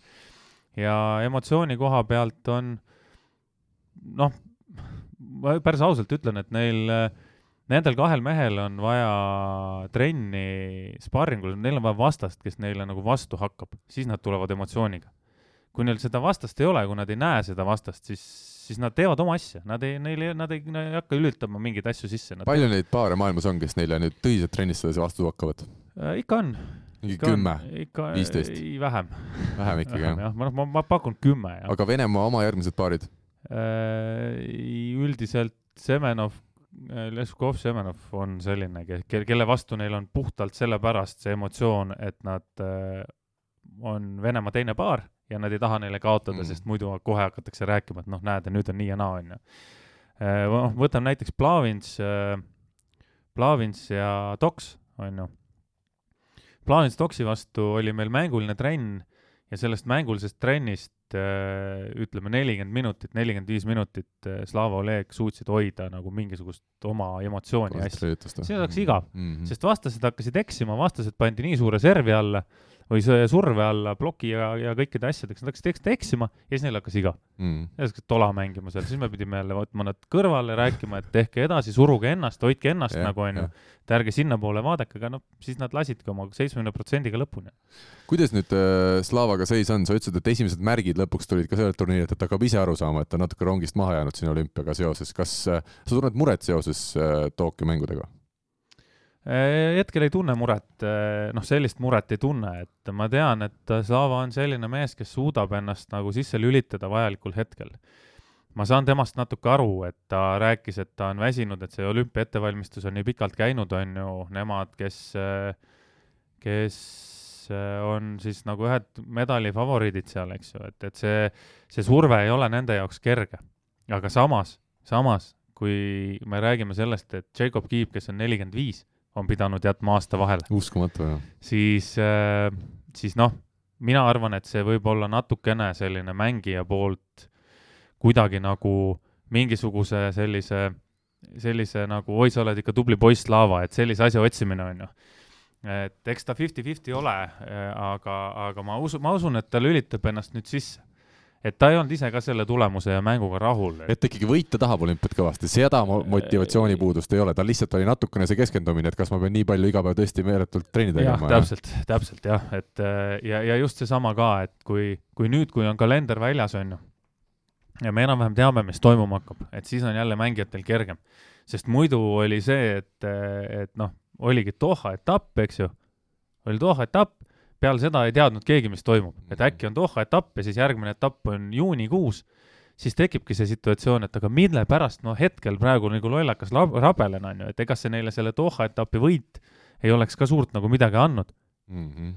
et eh, noh, muidugi medalid ja kõik asjad, aga, aga nende jaoks on, on, on nagu mingit teist motivatsiooni vaja juba Äh, läheme edasi, äh, võtame siis ette ka norralased maailma esipaari ikkagi. Anders Moll jäi vigastusega, oli vigastus turniirilt eemale? Äh, see on huvitav teema muide. ta on iga aasta täpselt ühel ajal vigastatud. täpselt, keegi ei tea, mis ja kuidas, aga ta on iga aasta täpselt ühel ajal vigastatud. see on siis see talvine periood kuni esimesed etapid? jah, ütleme veebruari keskpaik kuni märtsi keskpaik, märtsi lõpp on ta vigastusega väljas. ja põhjust me ei tea keegi ei tea. aga aimad? ei, aimata võib, tal oli kunagi mingi kopsu probleem, et tal üks kops vist kukkus kokku ja siis tal tehti operatsioon ja noh, tead, see spordimaailm on, on see, kõik ju räägivad igasuguseid juttu, on ju, et eh, me küll on, küll, et kõik, kõik panevad dopingut ja küll tal on veel mingid asjad ja nii edasi, nii edasi, nii edasi. võib-olla hoiab lihtsalt pinget üleval, on ju, või mhm. võib-olla tal on mingisugune spetsiaalne ettevalmistus selleks, aga, aga see, see, see aeg on ta iga aasta, minu arust kolm aastat järjest olnud nagu, või neli aastat järjest olnud väljas. enne seda teeb eh, peale seda teeb, aga just see veebruari keskpaik kuni märtsi keskpaik, märtsi lõpp on ta väljas huvitav, igatahes Kristjan Sorum siis tema paarine võttis paariseks ühe teise norralase, Norras ütleme nüüd rannavõrkpall ei ole veel rahvusspordiala, kuigi esipaar tõesti sealt juba maailmast tuleb. Ja see on siis maailma kolmandas sajas oma paarisega paiknev äh, Svein Solhaug, ütleme nii selle nime. Mina ei ole norra keele spetsialist, Svein meid kuulavasti ei kuula ka, nii et äh, läheme sellega edasi. Ja nad siis said oma alagrupis kolmandana edasi, kahekümne nelja parema hulka ja siis kohe läksid kokku Stojanovski Krasilnikoviga ja kaotasid ikkagi kindlalt null kaks, üksteist punkti just mõlemas game'is said äh, punkte. mis see järeldus nüüd sellest mängust oli, ma ütlen ausalt, mina seda mängu ei näinud, ma vaatasin küll seal finaali tagantjärele, aga seda mängu ma ei näinud, täitsa kohe huvitav kas see Sol Solhaug oli selline harrastaja või ta ikkagi oskas võrkpalli hästi mängida? ei, ei, Solhaug mängib, ta on, mängib maailmakarikaetappe ka, et ta on... aga miks ta maailma etapis nii kaugel on? Ta on üks, kes seal programmis sees on, ta üldiselt mängib noortega. et oh. ta on selline vanem mängija, kes pannakse nagu noortega, saadetakse igale okay. poole etappidele, siis ta seal tiksub ringi. ta on äh, okei okay,, noh, ta ei, minu arust Norra meistriks kolmandaks eelmine aasta või teiseks isegi, et äh, et ta paha ei ole, aga, aga noh, nad seal sellise võistkonna vastu nagu Oleg ja, ja Slava on ju, okeist ei piisa kahjuks, et, et nii ongi. kõik servid läksid Solhaugi peale? no muidugi, mis mis seal ja, ja ma arvan, et ta mängis, sellepärast Kristjan tahtis mängida, sest Soorm tahtis mängida mm. ja, ja nii pikalt väljas olnud ja, ja ega tal ei ole vahet, noh, tal ei, neil on äh, eelmisest, eelmisest hooajast nii head punktid peal, et ta põhimõtteliselt oli oma punktidega oli seitsmes asetus, ühe, ühe mehe punktidega. et äh, ma arvan, et ta tahtis mängida ja, ja miks mitte, noh räägime naisteturniirist ka. Ameerika kontinendid siis, olgu põhja või lõuna, ainult sinna poolfinaalidesse pääsesid ja lõpuks maailma kaks tugevamat paari siis finaalis ka mängisid, et selles suhtes selliseid suuri üllatusi ei olnud ja keegi kuskil vigastatud ei olnud ja koroonas ei olnud nagu siin meestes äh, tipppaaridel oli erinevaid jamasid ja lõpuks siis kullamängus Ross ja Kliinemann võitsid Ameerikast siis Kanada duot ma ei tea jälle, kuidas see hääldus on, Pavan ja Humana Paredes mm. -hmm et sellest ka mingit äh, kokkuvõtet sul naisteturniirist, jõudsid sa jälgida seda? Äh, naiste turniiri tase oli nagu parem, kuidagi tundus, et äh, on, on vähe nagu ühtlasem ja vähe parem. mis mulle, mis mulle nagu naiste turniiri puhul meeldis, on see, et naiste rannavõrkpalli tase on kindlalt tõusnud. naised on hakanud nagu tehnilisemalt mängima selle ühe aastaga, mida ma pole näinud, on ju seal samamoodi nagu meestel juba hüppe pealt tõstetakse ja selja taha mingeid kiireid ja tehakse mingeid nippe, onju. ta vaikselt-vaikselt läheb järgi, tuleb järgi sellele, mida teevad mehed. Äh, hea meel on ka muidugi vene tüdrukute üle, sest nad olid kahe paariga, olid kaheksa hulgas tegelikult oleks pidanud olema kolme paariga kaheksa hulgas, aga kuna üks, üks kohtuniku otsus äh, kolmandas game'is seisul üksteist kaheksa Kanadaga mängides oli tegelikult venelaste punkt, oleks olnud kaksteist kaheksa, tuli üksteist üheksa, noored vene tüdrukud ei pidanud vastu, said kotti selle kolmanda game'i e,. siis noh, nende üle on hea meel, nad on kõvasti tööd teinud, noh, me oleme kõrvalt näinud neid, on ju, ja see treener on, on nendega kõvasti tööd teinud. ja üldiselt äh,, üldiselt nagu suuri üllatusi, üllatusi ei, ei olnud. eelmine aasta äh, võib-olla need vene paarid olidki kaks tükki, kes seal kaheksa hulgas oli, aga üks oli väga suur üllatus. aga jälle noh, esimene etapp, et kõik ei ole kõige paremal tasemel, aga üldiselt olid samad näod kõik, on ju, ja, ja, ja lihtsalt tase on natukene üles läinud kas meie meistrid äh, Liisa Soomets ja Lene Ollas, kui nad mängiksid seal kvalifikatsioonis, tuleks nii nagu Tiisaarel ja ja Korotkovil seekord esimeses ringis kaotus, ükskõik kes seal vastas on, et, et sinna on veel maad minna või hakkavad nemad ka mingile tasemele vaikselt jõudma rahvusvahelisel tasemel? Ma ei ole näinud neid, kuidas nad mängivad mm., et nad äh, sama nagu ma polnud Tiimat ja Marti näinud enne seda, kui, kui nad sinna Dubaisse tulid, et kuidas nad mängivad, et nad ei ole mängulisi trenne veel teinud või mina ei ole, mina ei ole sinna peale sattunud, et äh, ma ei oska seda kommenteerida. aga vaadates üldist taset, siis neil oleks täna raske, vaadates selle, kuidas nad mängisid eelmine aasta, siis neil oleks täna üsna raske, jah mm.. räägime siis äh, Mardist ja Tiimast ka. Äh, eelmisel nädalal me siis oma pundiga natuke peatusime sel teemal, aga sind siis saates ei olnud. Äh, nendega koos sai siis treenitud kõigepealt Dubais ja Dohas nad seal ühe mängu kvalifikatsioonis mängisid, mis siis kaotati, aga nagu lõpuks selgus, see Hollandi paar, kellele kaotati, jõudis kaugele välja veel päris üllatuslikult maailma viiekümne seitsmes paar. millised järeldused sinul Tiisaare ja Korotkovi sellest mängust tekkisid? Äh, sa mõtled mängust, mitte laagrist? no sa võid võtta ka laagri kokku, ma arvan, et see ühine pilt nagu on see kõige tähtsam. Äh, noh, ma võtan kokku kõigepealt nagu laagri poole, sest selle esimene nädal oli kindlalt näha seda, et neil ei ole nagu kokkumängu, et nad otsisid hästi oma seda kokkumängu. teine asi, mis oli näha, nad on tehniliselt maas kõvasti ja, ja see on nagu minu jaoks nagu raske öelda, aga ma ütlen seda päris ausalt, et nad on tehniliselt maas. kusjuures minule tundub just vastupidi, kes ma nii hästi seda asja ei jaga loomulikult, mulle tundub, et need tehnilised, kui ma vaatan Mardi tõsteid näiteks, Dima tõstet, et selles pooles on kõik hästi, aga mulle tundub, et sellest võimsusest just jääb nagu puudu, aga sina ütled, et tehniliselt on, on see, see kõige suurem puudu. see on järgmine, kuhu ma oleks jõudnud, et, et üks, üks on see, et nad on tehniliselt maas Äh, just vastuvõtt on see, mis, mis hakkab kiiresti logisema, teine on serv, mis on hästi ebastabiilne, mis täna on väga tähtis rannavõrkpallis. Ja füüsise pool ka, et, et kui see laager, laagrit vaadata, siis, siis üks asi, mis jäi silma, oligi tehnika, füüsise pool ja mängulistes trennides oli, Mart ja Dima võib-olla seal väljakul nagu said aru paremini, aga minu jaoks oli seal väljakul hästi palju segadust hästi,, hästi-hästi palju segadust. juba esimene asi, mida küsisid ka mängu, peale seda mängu Dohas minu käest paljud teised, teised nagu välistreenerid, on ju. küsid, et miks, miks Dima plokis käib? et sul, teil on olemas suur kaks null viis või mis see Mart on, mees Mhm. pikkade kätega, väga hea blokeerija, on ju mm. -hmm. trennis ju, trennides seal meie see teine treener ja, ja hollandlaste treener ütlesid, et ega väga ohtlik vend on plokis, on ju. et siis küsiti, et aga miks Dima plokis käib, et Dima pea poole põhimõtteliselt ei vaadatudki, et nii kui Dima plokis oli, siis lihtsalt löödi. kõrgelt, võimsalt ja löödi. Mm -hmm. ei, ei, ei tekkinud isegi mingit küsimust. see oli ka minu jaoks nagu küsimus, et milleks? kas äh, mängus äh, hoida nagu enda füüsist, samas kvalifikatsioonis sul on iga mäng, sa pead panema täiega, et sul ei ole varianti hoida, on ju Mhm. Et äh, mitte ära kasutada seda, et meil on nii hea plokimängija. ja, ja ma ei ütleks, et äh, ma ei ütleks, et nüüd kaitses saadi Timo plokiga rohkem palle kätte, on ju.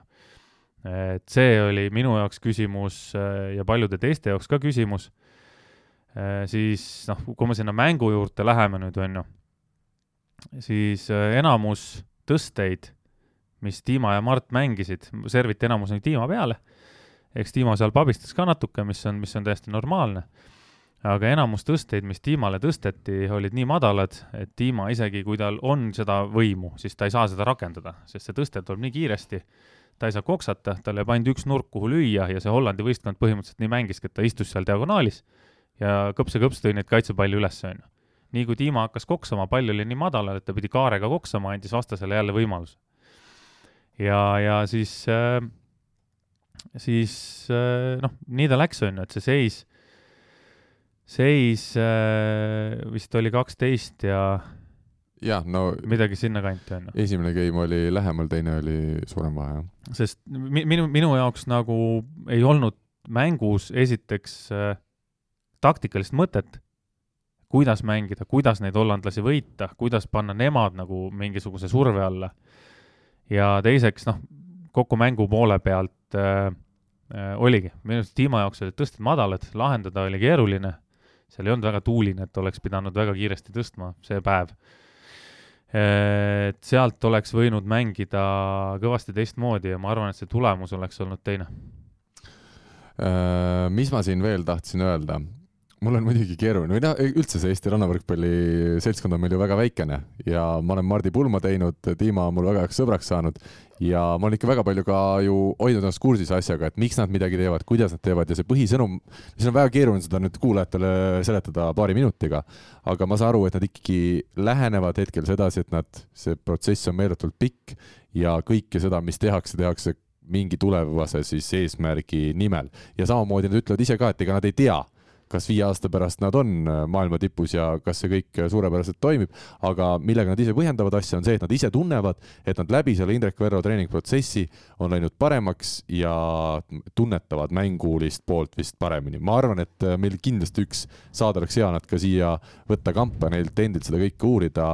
mis ma saan veel öelda, on see, et kui Dima ja Mart olid ära, siis mul oli suurepärane võimalus Kustiga siis koos trenni teha seal Verro trennides ja, ja kui nad ütleme sügise poole veel tegid, mängulist poolt ei teinud ja ütleme sellist vastuvõtutõstet, vaid nad lähenesid natuke teistmoodi sellele treeningule, siis nüüd olid just äh, veebruarikuus sisuliselt kõik treeningud mängulised aga minuga selge, mis ma neile ka ütlesin, et sõnum, et mul oli jumala õnn, et ma sain seal äh, selliste meestega trenni teha ja mina arenesin kõvasti, aga et nad ikkagi koos paremaks läheks ja kui nad tahavad Eestis trenni teha, siis äh, kuigi Timo Lõhmus enam Indrek Verro käe all ei treeni, siis on vaja, et see nelik oleks koos. Verro Korotkov, vabandust, Lõhmus Korotkov ja Tiisar Nõlvak, et meil on ikkagi neli tasemel rannavõrkpallurit täna Eestis ja, ja nemad peavad, ma arvan, igapäevaselt trenni tegema, et ma loodan, et nad saavad seal oma asjad nii hästi klappima, et see õnnestub ka täide viia. ma jah, ma olen sellega nõus ja aga, aga teine pool on see, et äh, ma ei tea, mis nad trennis teevad, ma ei tea, mis see filosoofia on, kuidas see käib, on ju. mina räägin seda, mida ma näen kõrvalt ja ma ütlen seda, et täna, kuhu, mis aja jooksul see see filosoofia peaks viima selleni, et tehniliselt on näiteks vastuvõtutehnika korras. seda ma ei tea ja, ja selleks ei ole vaja viite aastat, selleks on vaja kolme kuud mm., kahte-kolme kuud, et see saada paika tuima tööga mm. -hmm. see, see, see on nagu minu nägemus, minu, minu pool, millega mina tegelen, on ju, mida mina olen praktiseerinud ja mis minu jaoks täna töötab. et äh, äh, see, minu jaoks spordis on eesmärk, on seatud, on eesmärk, mille poole mängija püüdleb, on ju. kui mängijal ei ole eesmärki spordis, siis mängija ei tea, kuhu ta tahab jõuda, ta ei tea, mille nimel ta pingutab ta ei tea, see on minu jaoks, ta ei tea, mis on see asi, mis, mis, mis on nagu see tema eesmärk, on ju. mm. kui keegi ütleb, et ma tahan Eesti meistriks saada, siis ta teeb selle nimel tööd, et saada Eesti meistriks. minu jaoks, kui keegi ütleb, et, et me teeme tööd selle nimel, et me ei tea, mis saab viie aasta pärast või kuhu me tahame jõuda viie aasta pärast, siis minu jaoks ei ole eesmärki, minu, minu, jaoks on see noh, mina seda teha ei suudaks, ma ütlen päris ausalt ära mm, -hmm. mina, ma ei suudaks, minul on vaja konkreetset eesmärki, mina läksin oma eesmärgiga saada olümpiale, võita medaleid, kõiki asju ja ma töötasin selle nimel ja ma sundisin ennast selle nimel Mm -hmm. Kui mina oleks, mulle oleks öeldud, et, et davai, et me teeme viis aastat tööd, aga ma ei tea, kuhu me jõuame, siis ma oleks öelnud, et stopp mehed, et ma ei ole sellega nõus, et minu, minul on vaja eesmärki. aga inimesed on kõik erinevad äh, ja, ja, ja eks see ole siis, ole näha, et mis tulemused ja kuidas on, et ja eks see üldine lähenemine neil, nagu ma olen ikkagi aru saanud ka, ei ole ainult võrkpallipõhine, vaid seal on see nii-öelda teadliku muutumise kunst laiemalt, kuidas elu elada ja nii edasi, et äh, igatahes, mis on selge, nii mina kui Rivo igal juhul soovime kõike kõige paremat meie meestele, et nad äh, hästi õnnestuksid siin algaval suvel. kui sa nüüd äh, Dima kohta veel paar sõna ütled, kuna teda Eesti võrkpallisõbrad nii hästi ei tea, kas sa seal nägid midagi head ka nende treeningute, mängude põhjal, mida sa siin esile võiksid tuua või, või on sul see kindlus, et kui tema tema teeb õigesti hästi trenni, et siis temast tuleb hea võrkpallur siin lähiajal? Dima puhul on üks väga suur pluss, mida tõid ka teised välja, on see, et Dima on hästi mitmekülgne mängija ja ta on hästi, täna veel on hästi selline, selline nagu, nagu plastiliin, et temaga võib teha igasuguseid asju ja igasuguseid, igasuguseid katseid, et tal, temale võiks panna igasuguseid tehnikaid ja rünnakuid ja, ja kõiki asju, et ta, et ta suudab nagu hästi kiiresti, hästi kiiresti saada mingitest situatsioonidest aru ja suudab neid ka enam-vähem teha, on ju, et ta ei ole nagu niisugune ühekülgne mängija, mis, mis oligi, mis nagu Dima puhul, Dima puhul läks tema selle olemusega vastuollu selle mängu ajal, et ta pidi tegema ühte asja, sest tal ei olnud mitte midagi muud võimalust teha lihtsalt oma seda tugevust ta ei suutnud nagu ära täpselt, kasutada. täpselt, ja sealt läkski tema jaoks nagu raskeks, on ju, et eh, see on üks asi, mis Tiimal on, on nagu väga hea olemas, suhtumine ka muidugi, et ta no, suhtumine, suhtumine trenni on, eh, on täpselt selline, mis nagu igale treenerile meeldib, et ta teeb, ta kuulab, ta, ta tahab õppida, seda on näha ja, ja ta on või-, ta on nõu-, ta noh, ta on nõus ka selle jaoks väga palju tegema, et saada midagi kuskilt nagu paremaks muidugi siis... seda, sorry, ma segan vahele seal, esimene trenn, kui oligi Olegi ja Slavaga, siis äh, siis äh, noh, ikka see rannavõrkpalliseltskond nüüd nii tuim ka ei ole ja nii kurb on ju, siis äh, te, tegime seal kohe huumorit, et Dima, sa vaatasin algul, et sa väga ei, väga siin võssa ei pane mingite asjadega, et muidu järgmine kord ei kutsutagi trenni ja nii edasi, nii edasi, nii edasi, et sa ikka ei hoia ka noort meest? pandi pinge peale kohe, aga, aga ei, Dima sai korralikult hakkama seal trennis, et siis on hästi. Äh, räägime veel siia selle rannavõrkpalli teema lõppu sellest siis, et järgmised MK-etapid, kõrgetasemelised, äh, toimuvad siis Mehhikos. kolm turniiri järjest, no sisuliselt ma ei tea, kas seal on üks päev vahet nende turniiride vahel. Äh, kuusteist aprill kuni kak-, teine mai on siis see vahemik, paari nädala jooksul kolm neljatärni MK-etappi Mullisse mängitakse. mis sa sellest ideest arvad? ainuke variant praegu keegi teine seda võtta ei tahtnud, keegi teine seda teha ei taha, paljud MK-etapid kukkusid ära. Äh, eks ta karm ole, aga no seal antakse, anti valida, et sa võid mängida ühe, kaks või kolm etappi, et sa ei pea kõiki kolme mängima. aga alati, kui sa nagu lähed mullist välja ja mulli sisse, siis sa pead nagu järgima seda reeglit, et sa pead olema poolteist päeva karantiinis, sulle tehakse test, poolteist päeva karantiinis, ootad oma ära, on ju. noh, näiteks see, et kui sa lähed esimest turniiri mängima, sa pead olema viis päeva ennem kohal, või neli päeva ennem vist isegi. Äh, teed oma testi, siis sa poolteist päeva istud hotellis, hotellitoas, on ju, siis sa saad mängida esimese turniiri ära ja kui sa mängid kõik kolm turniiri, siis sa saad panna nagu järjest, seal mingitel päevadel tehakse testid, aga paned nagu lõpuni välja. kui sa tahad mängida esimest ja viimast turniiri siis see tähendab seda, et sa pead minema neli päeva ennem mulli, siis sa teed oma testi, poolteist päeva istud toas, siis sa mängid turniiri. kui sa langed välja, siis sa võid minna välja, aga sa pead tulema kolm päeva varem enne selle järgmise turniiri algust uuesti mulli tagasi. Ja te olete kõik seal siis äh, kohal Venemaa koondisega täiskoosseisus jah, meie lähme kolmeks turniiriks, jah. ja mängite kõik kolm turniiri? ei ole veel otsustanud. me, me paneme üles, ülesandmise me kolmeks turniiriks, aga esimesel kindlasti? jah, Stojanovski Krasilnikovi puhul me vaatame, kas me kolmandat mängime, et oleneb sellest, kuidas esimesed lähevad, kuidas see mängupilt seal on ja, ja kuidas see on, et kas meil on seda vaja või ei ole. ja teised võistkonnad mängivad kõik kolm. Kui kallis see on, ma mõtlen, kas sinna sellised äh, Tiisar-Nõlvak äh, paarid, kas läheb nagu megakalliks või just pigem see, et kolm, kolm etappi koos on, muudab nagu soodsamaks selle, et saab kolm kõva turniiri järjest võtta? Äh, noh, kuidas võtta, vaata, kui sa oled, äh, lähed sinna ja esimese mängu kvalifikatsioonis kaotad, on ju, siis sa pead raske, minema jah. mullist välja ja uuesti tagasi tulema, et äh, et noh, põhimõtteliselt sa saad oma kaks päeva või kolm päeva saad olla kuskil teises hotellis, eks. Aga sellega on jälle see risk, et sa kunagi ei tea, mis sa sealt teisest hotellist külge saad, on ju. ja, ja siis minna tagasi jälle mängida noh, siis esiteks ei ole trenni teha sul kellegiga kolm päeva seal, sest teised, enamus on kõik mullis. Dohas no, kedagi ikka leiaks, ma arvan, need, kes no, on välja kukkunud. ma usun küll, aga ma ei tea, ma, ma täpselt ei tea, kas on võimalik mm -hmm. see, et sa nüüd lähed, teed seal trenni kuskil, tuiad ringi ja siis tuled tagasi, noh, ma, ma, ma ei kujuta ette seda yeah., nii palju, kui ma olen lugenud, siis, siis sa saad sealt välja minna. Aga, aga sa pead jälle sisse tulles olema poolteist päeva karantiinis ja nii edasi, nii edasi, nii edasi, nii edasi. Dohas oli kakssada dollarit päev, tuba. sada dollarit nägu päev. noh, kolm korda söök on ju, kolm korda päevas söök, jõusaal, transport, kõik need asjad. midagi hotellis veel teha sai või sa pididki olema hotellis ainult oma toas? ei, sa võisid käia teiste juures külas ka, kui tahad, aga välja nagu, välja nagu ei lastud, jah mm. -hmm. aga jah, ei noh, kui kokku võtta see, et sa pead olema seal kuusteist on ju, hakkab turniir, meie lendame ilmselt üksteist või kümme lendame sinna sest äh, tänu sellele olukorrale praegu need lennud on ka nagu sellised, et on nagu nad on, on ju.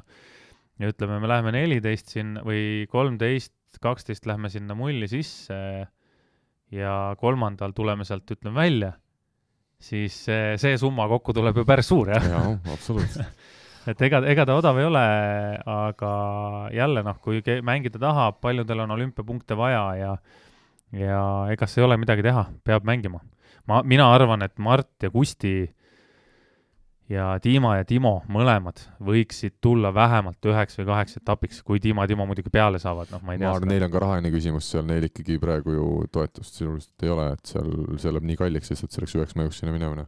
noh, jah, jah, siis, siis nad peavad leidma endale, nad peavad leidma, nad peavad minema välislaagrisse, kellegiga trenni tegema. mingeid teisi turniire samal ajal ei ole? ei, null.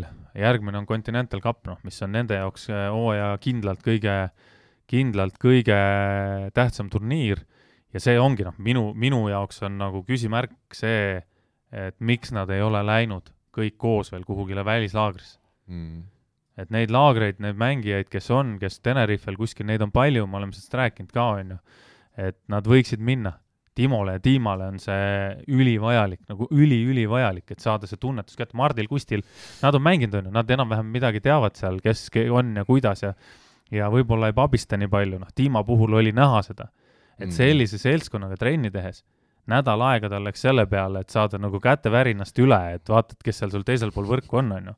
ja, ja see ei ole üldse halb, see on täiesti tavaline asi ja kui sa lähed, teed nendega niisuguse kahenädalase laagri, siis sa saadki aru, et nad on normaalsed, täiesti tavalised inimesed ja sa mängus väljakule minnes on nad sinu jaoks juba nagu natuke tuttavad, sul on nendega natuke lihtsam mängida teine asi on see ikkagi, mis minu arust rannavõrkpallis teeb ikkagi rannavõrkpalli, et sul tuul puhub ja ilmastikuolud mängivad oma rolli, et siin Eestis sisehallides treenides, mina ise tean seda juba, et ma olen siin terve talve teinud trenni, jube mõnus on, aga kui sa lähed välja ja tuul puhub, sa pead neid äh, vastuvõtte, tõsteid, rünnakuid vastavalt äh, siis muutma, et äh, see ei ole sugugi kerge, jah. Jah, noh, see võtab aega ja, ja oleks ikkagi hea, kui, kui kasvõi leida kuskilt mingisugune kontrollturniir enne seda, enne seda Continental Cupi, et sa saad niinimetatud selle esimese nagu laksu pealt maha, on ju, et äh, Mardi ja Dima jaoks, hea küll, nad mängisid ühe mängu seal, aga, aga ma arvan, et see üks mäng andis äh, Tiimale rohkem kui siin üks Eesti meistrivõistluste etapp, on ju, ja, ja ta saab nagu mingisuguse närvi nagu maha, on ju, esimese asja välja hingata ja sealt edasi minna, et seda oleks neile hädasti vaja enne seda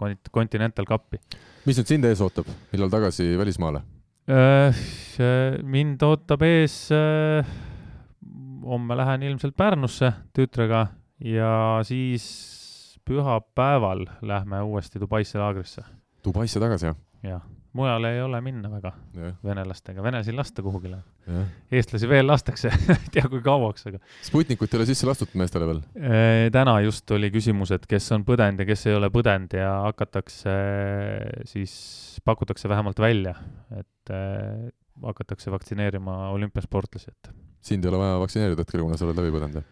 mind ei ole vaja vaktsineerida hetkel jah, ja seal Slavat ei ole vaja ja, ja veel meil paar-kolm tükki, keda ei ole vaja, et eh, noh, meil endal ju doktor, arst jäi sinna koroonasse Dohasse praegu kaheks Aha, nädalaks. las naudib, las naudib. jah, täna rääkisin temaga ka, ütles, et, et veel on, veel on lõbus, aga varsti ei ole, et noh, me, ma arvan, et neile tehakse need eh, vaktsiinid ära ja ja siis on, meil on, äh, kui teisel aprillil vist tuleme tagasi ja siis peaks olema kümnendal minek sinna Mehhikosse.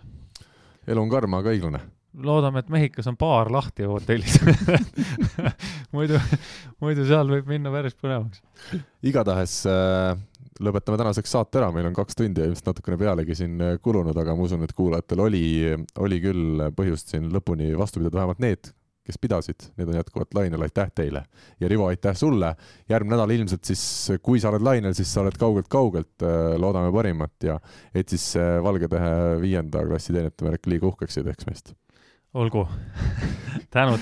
ja naistekoondisest me räägime põhjalikumalt juba järgmisel nädalal, sest tõesti äh, täna saate käigus alles see nimekiri välja tuli. mina ütlen aga kõigile aitäh, Rivo ütleb ka ja kohtumiseni nädala pärast. Eesti kõige põnevamad podcastid on Delfis, kuula tasku.delfi.ee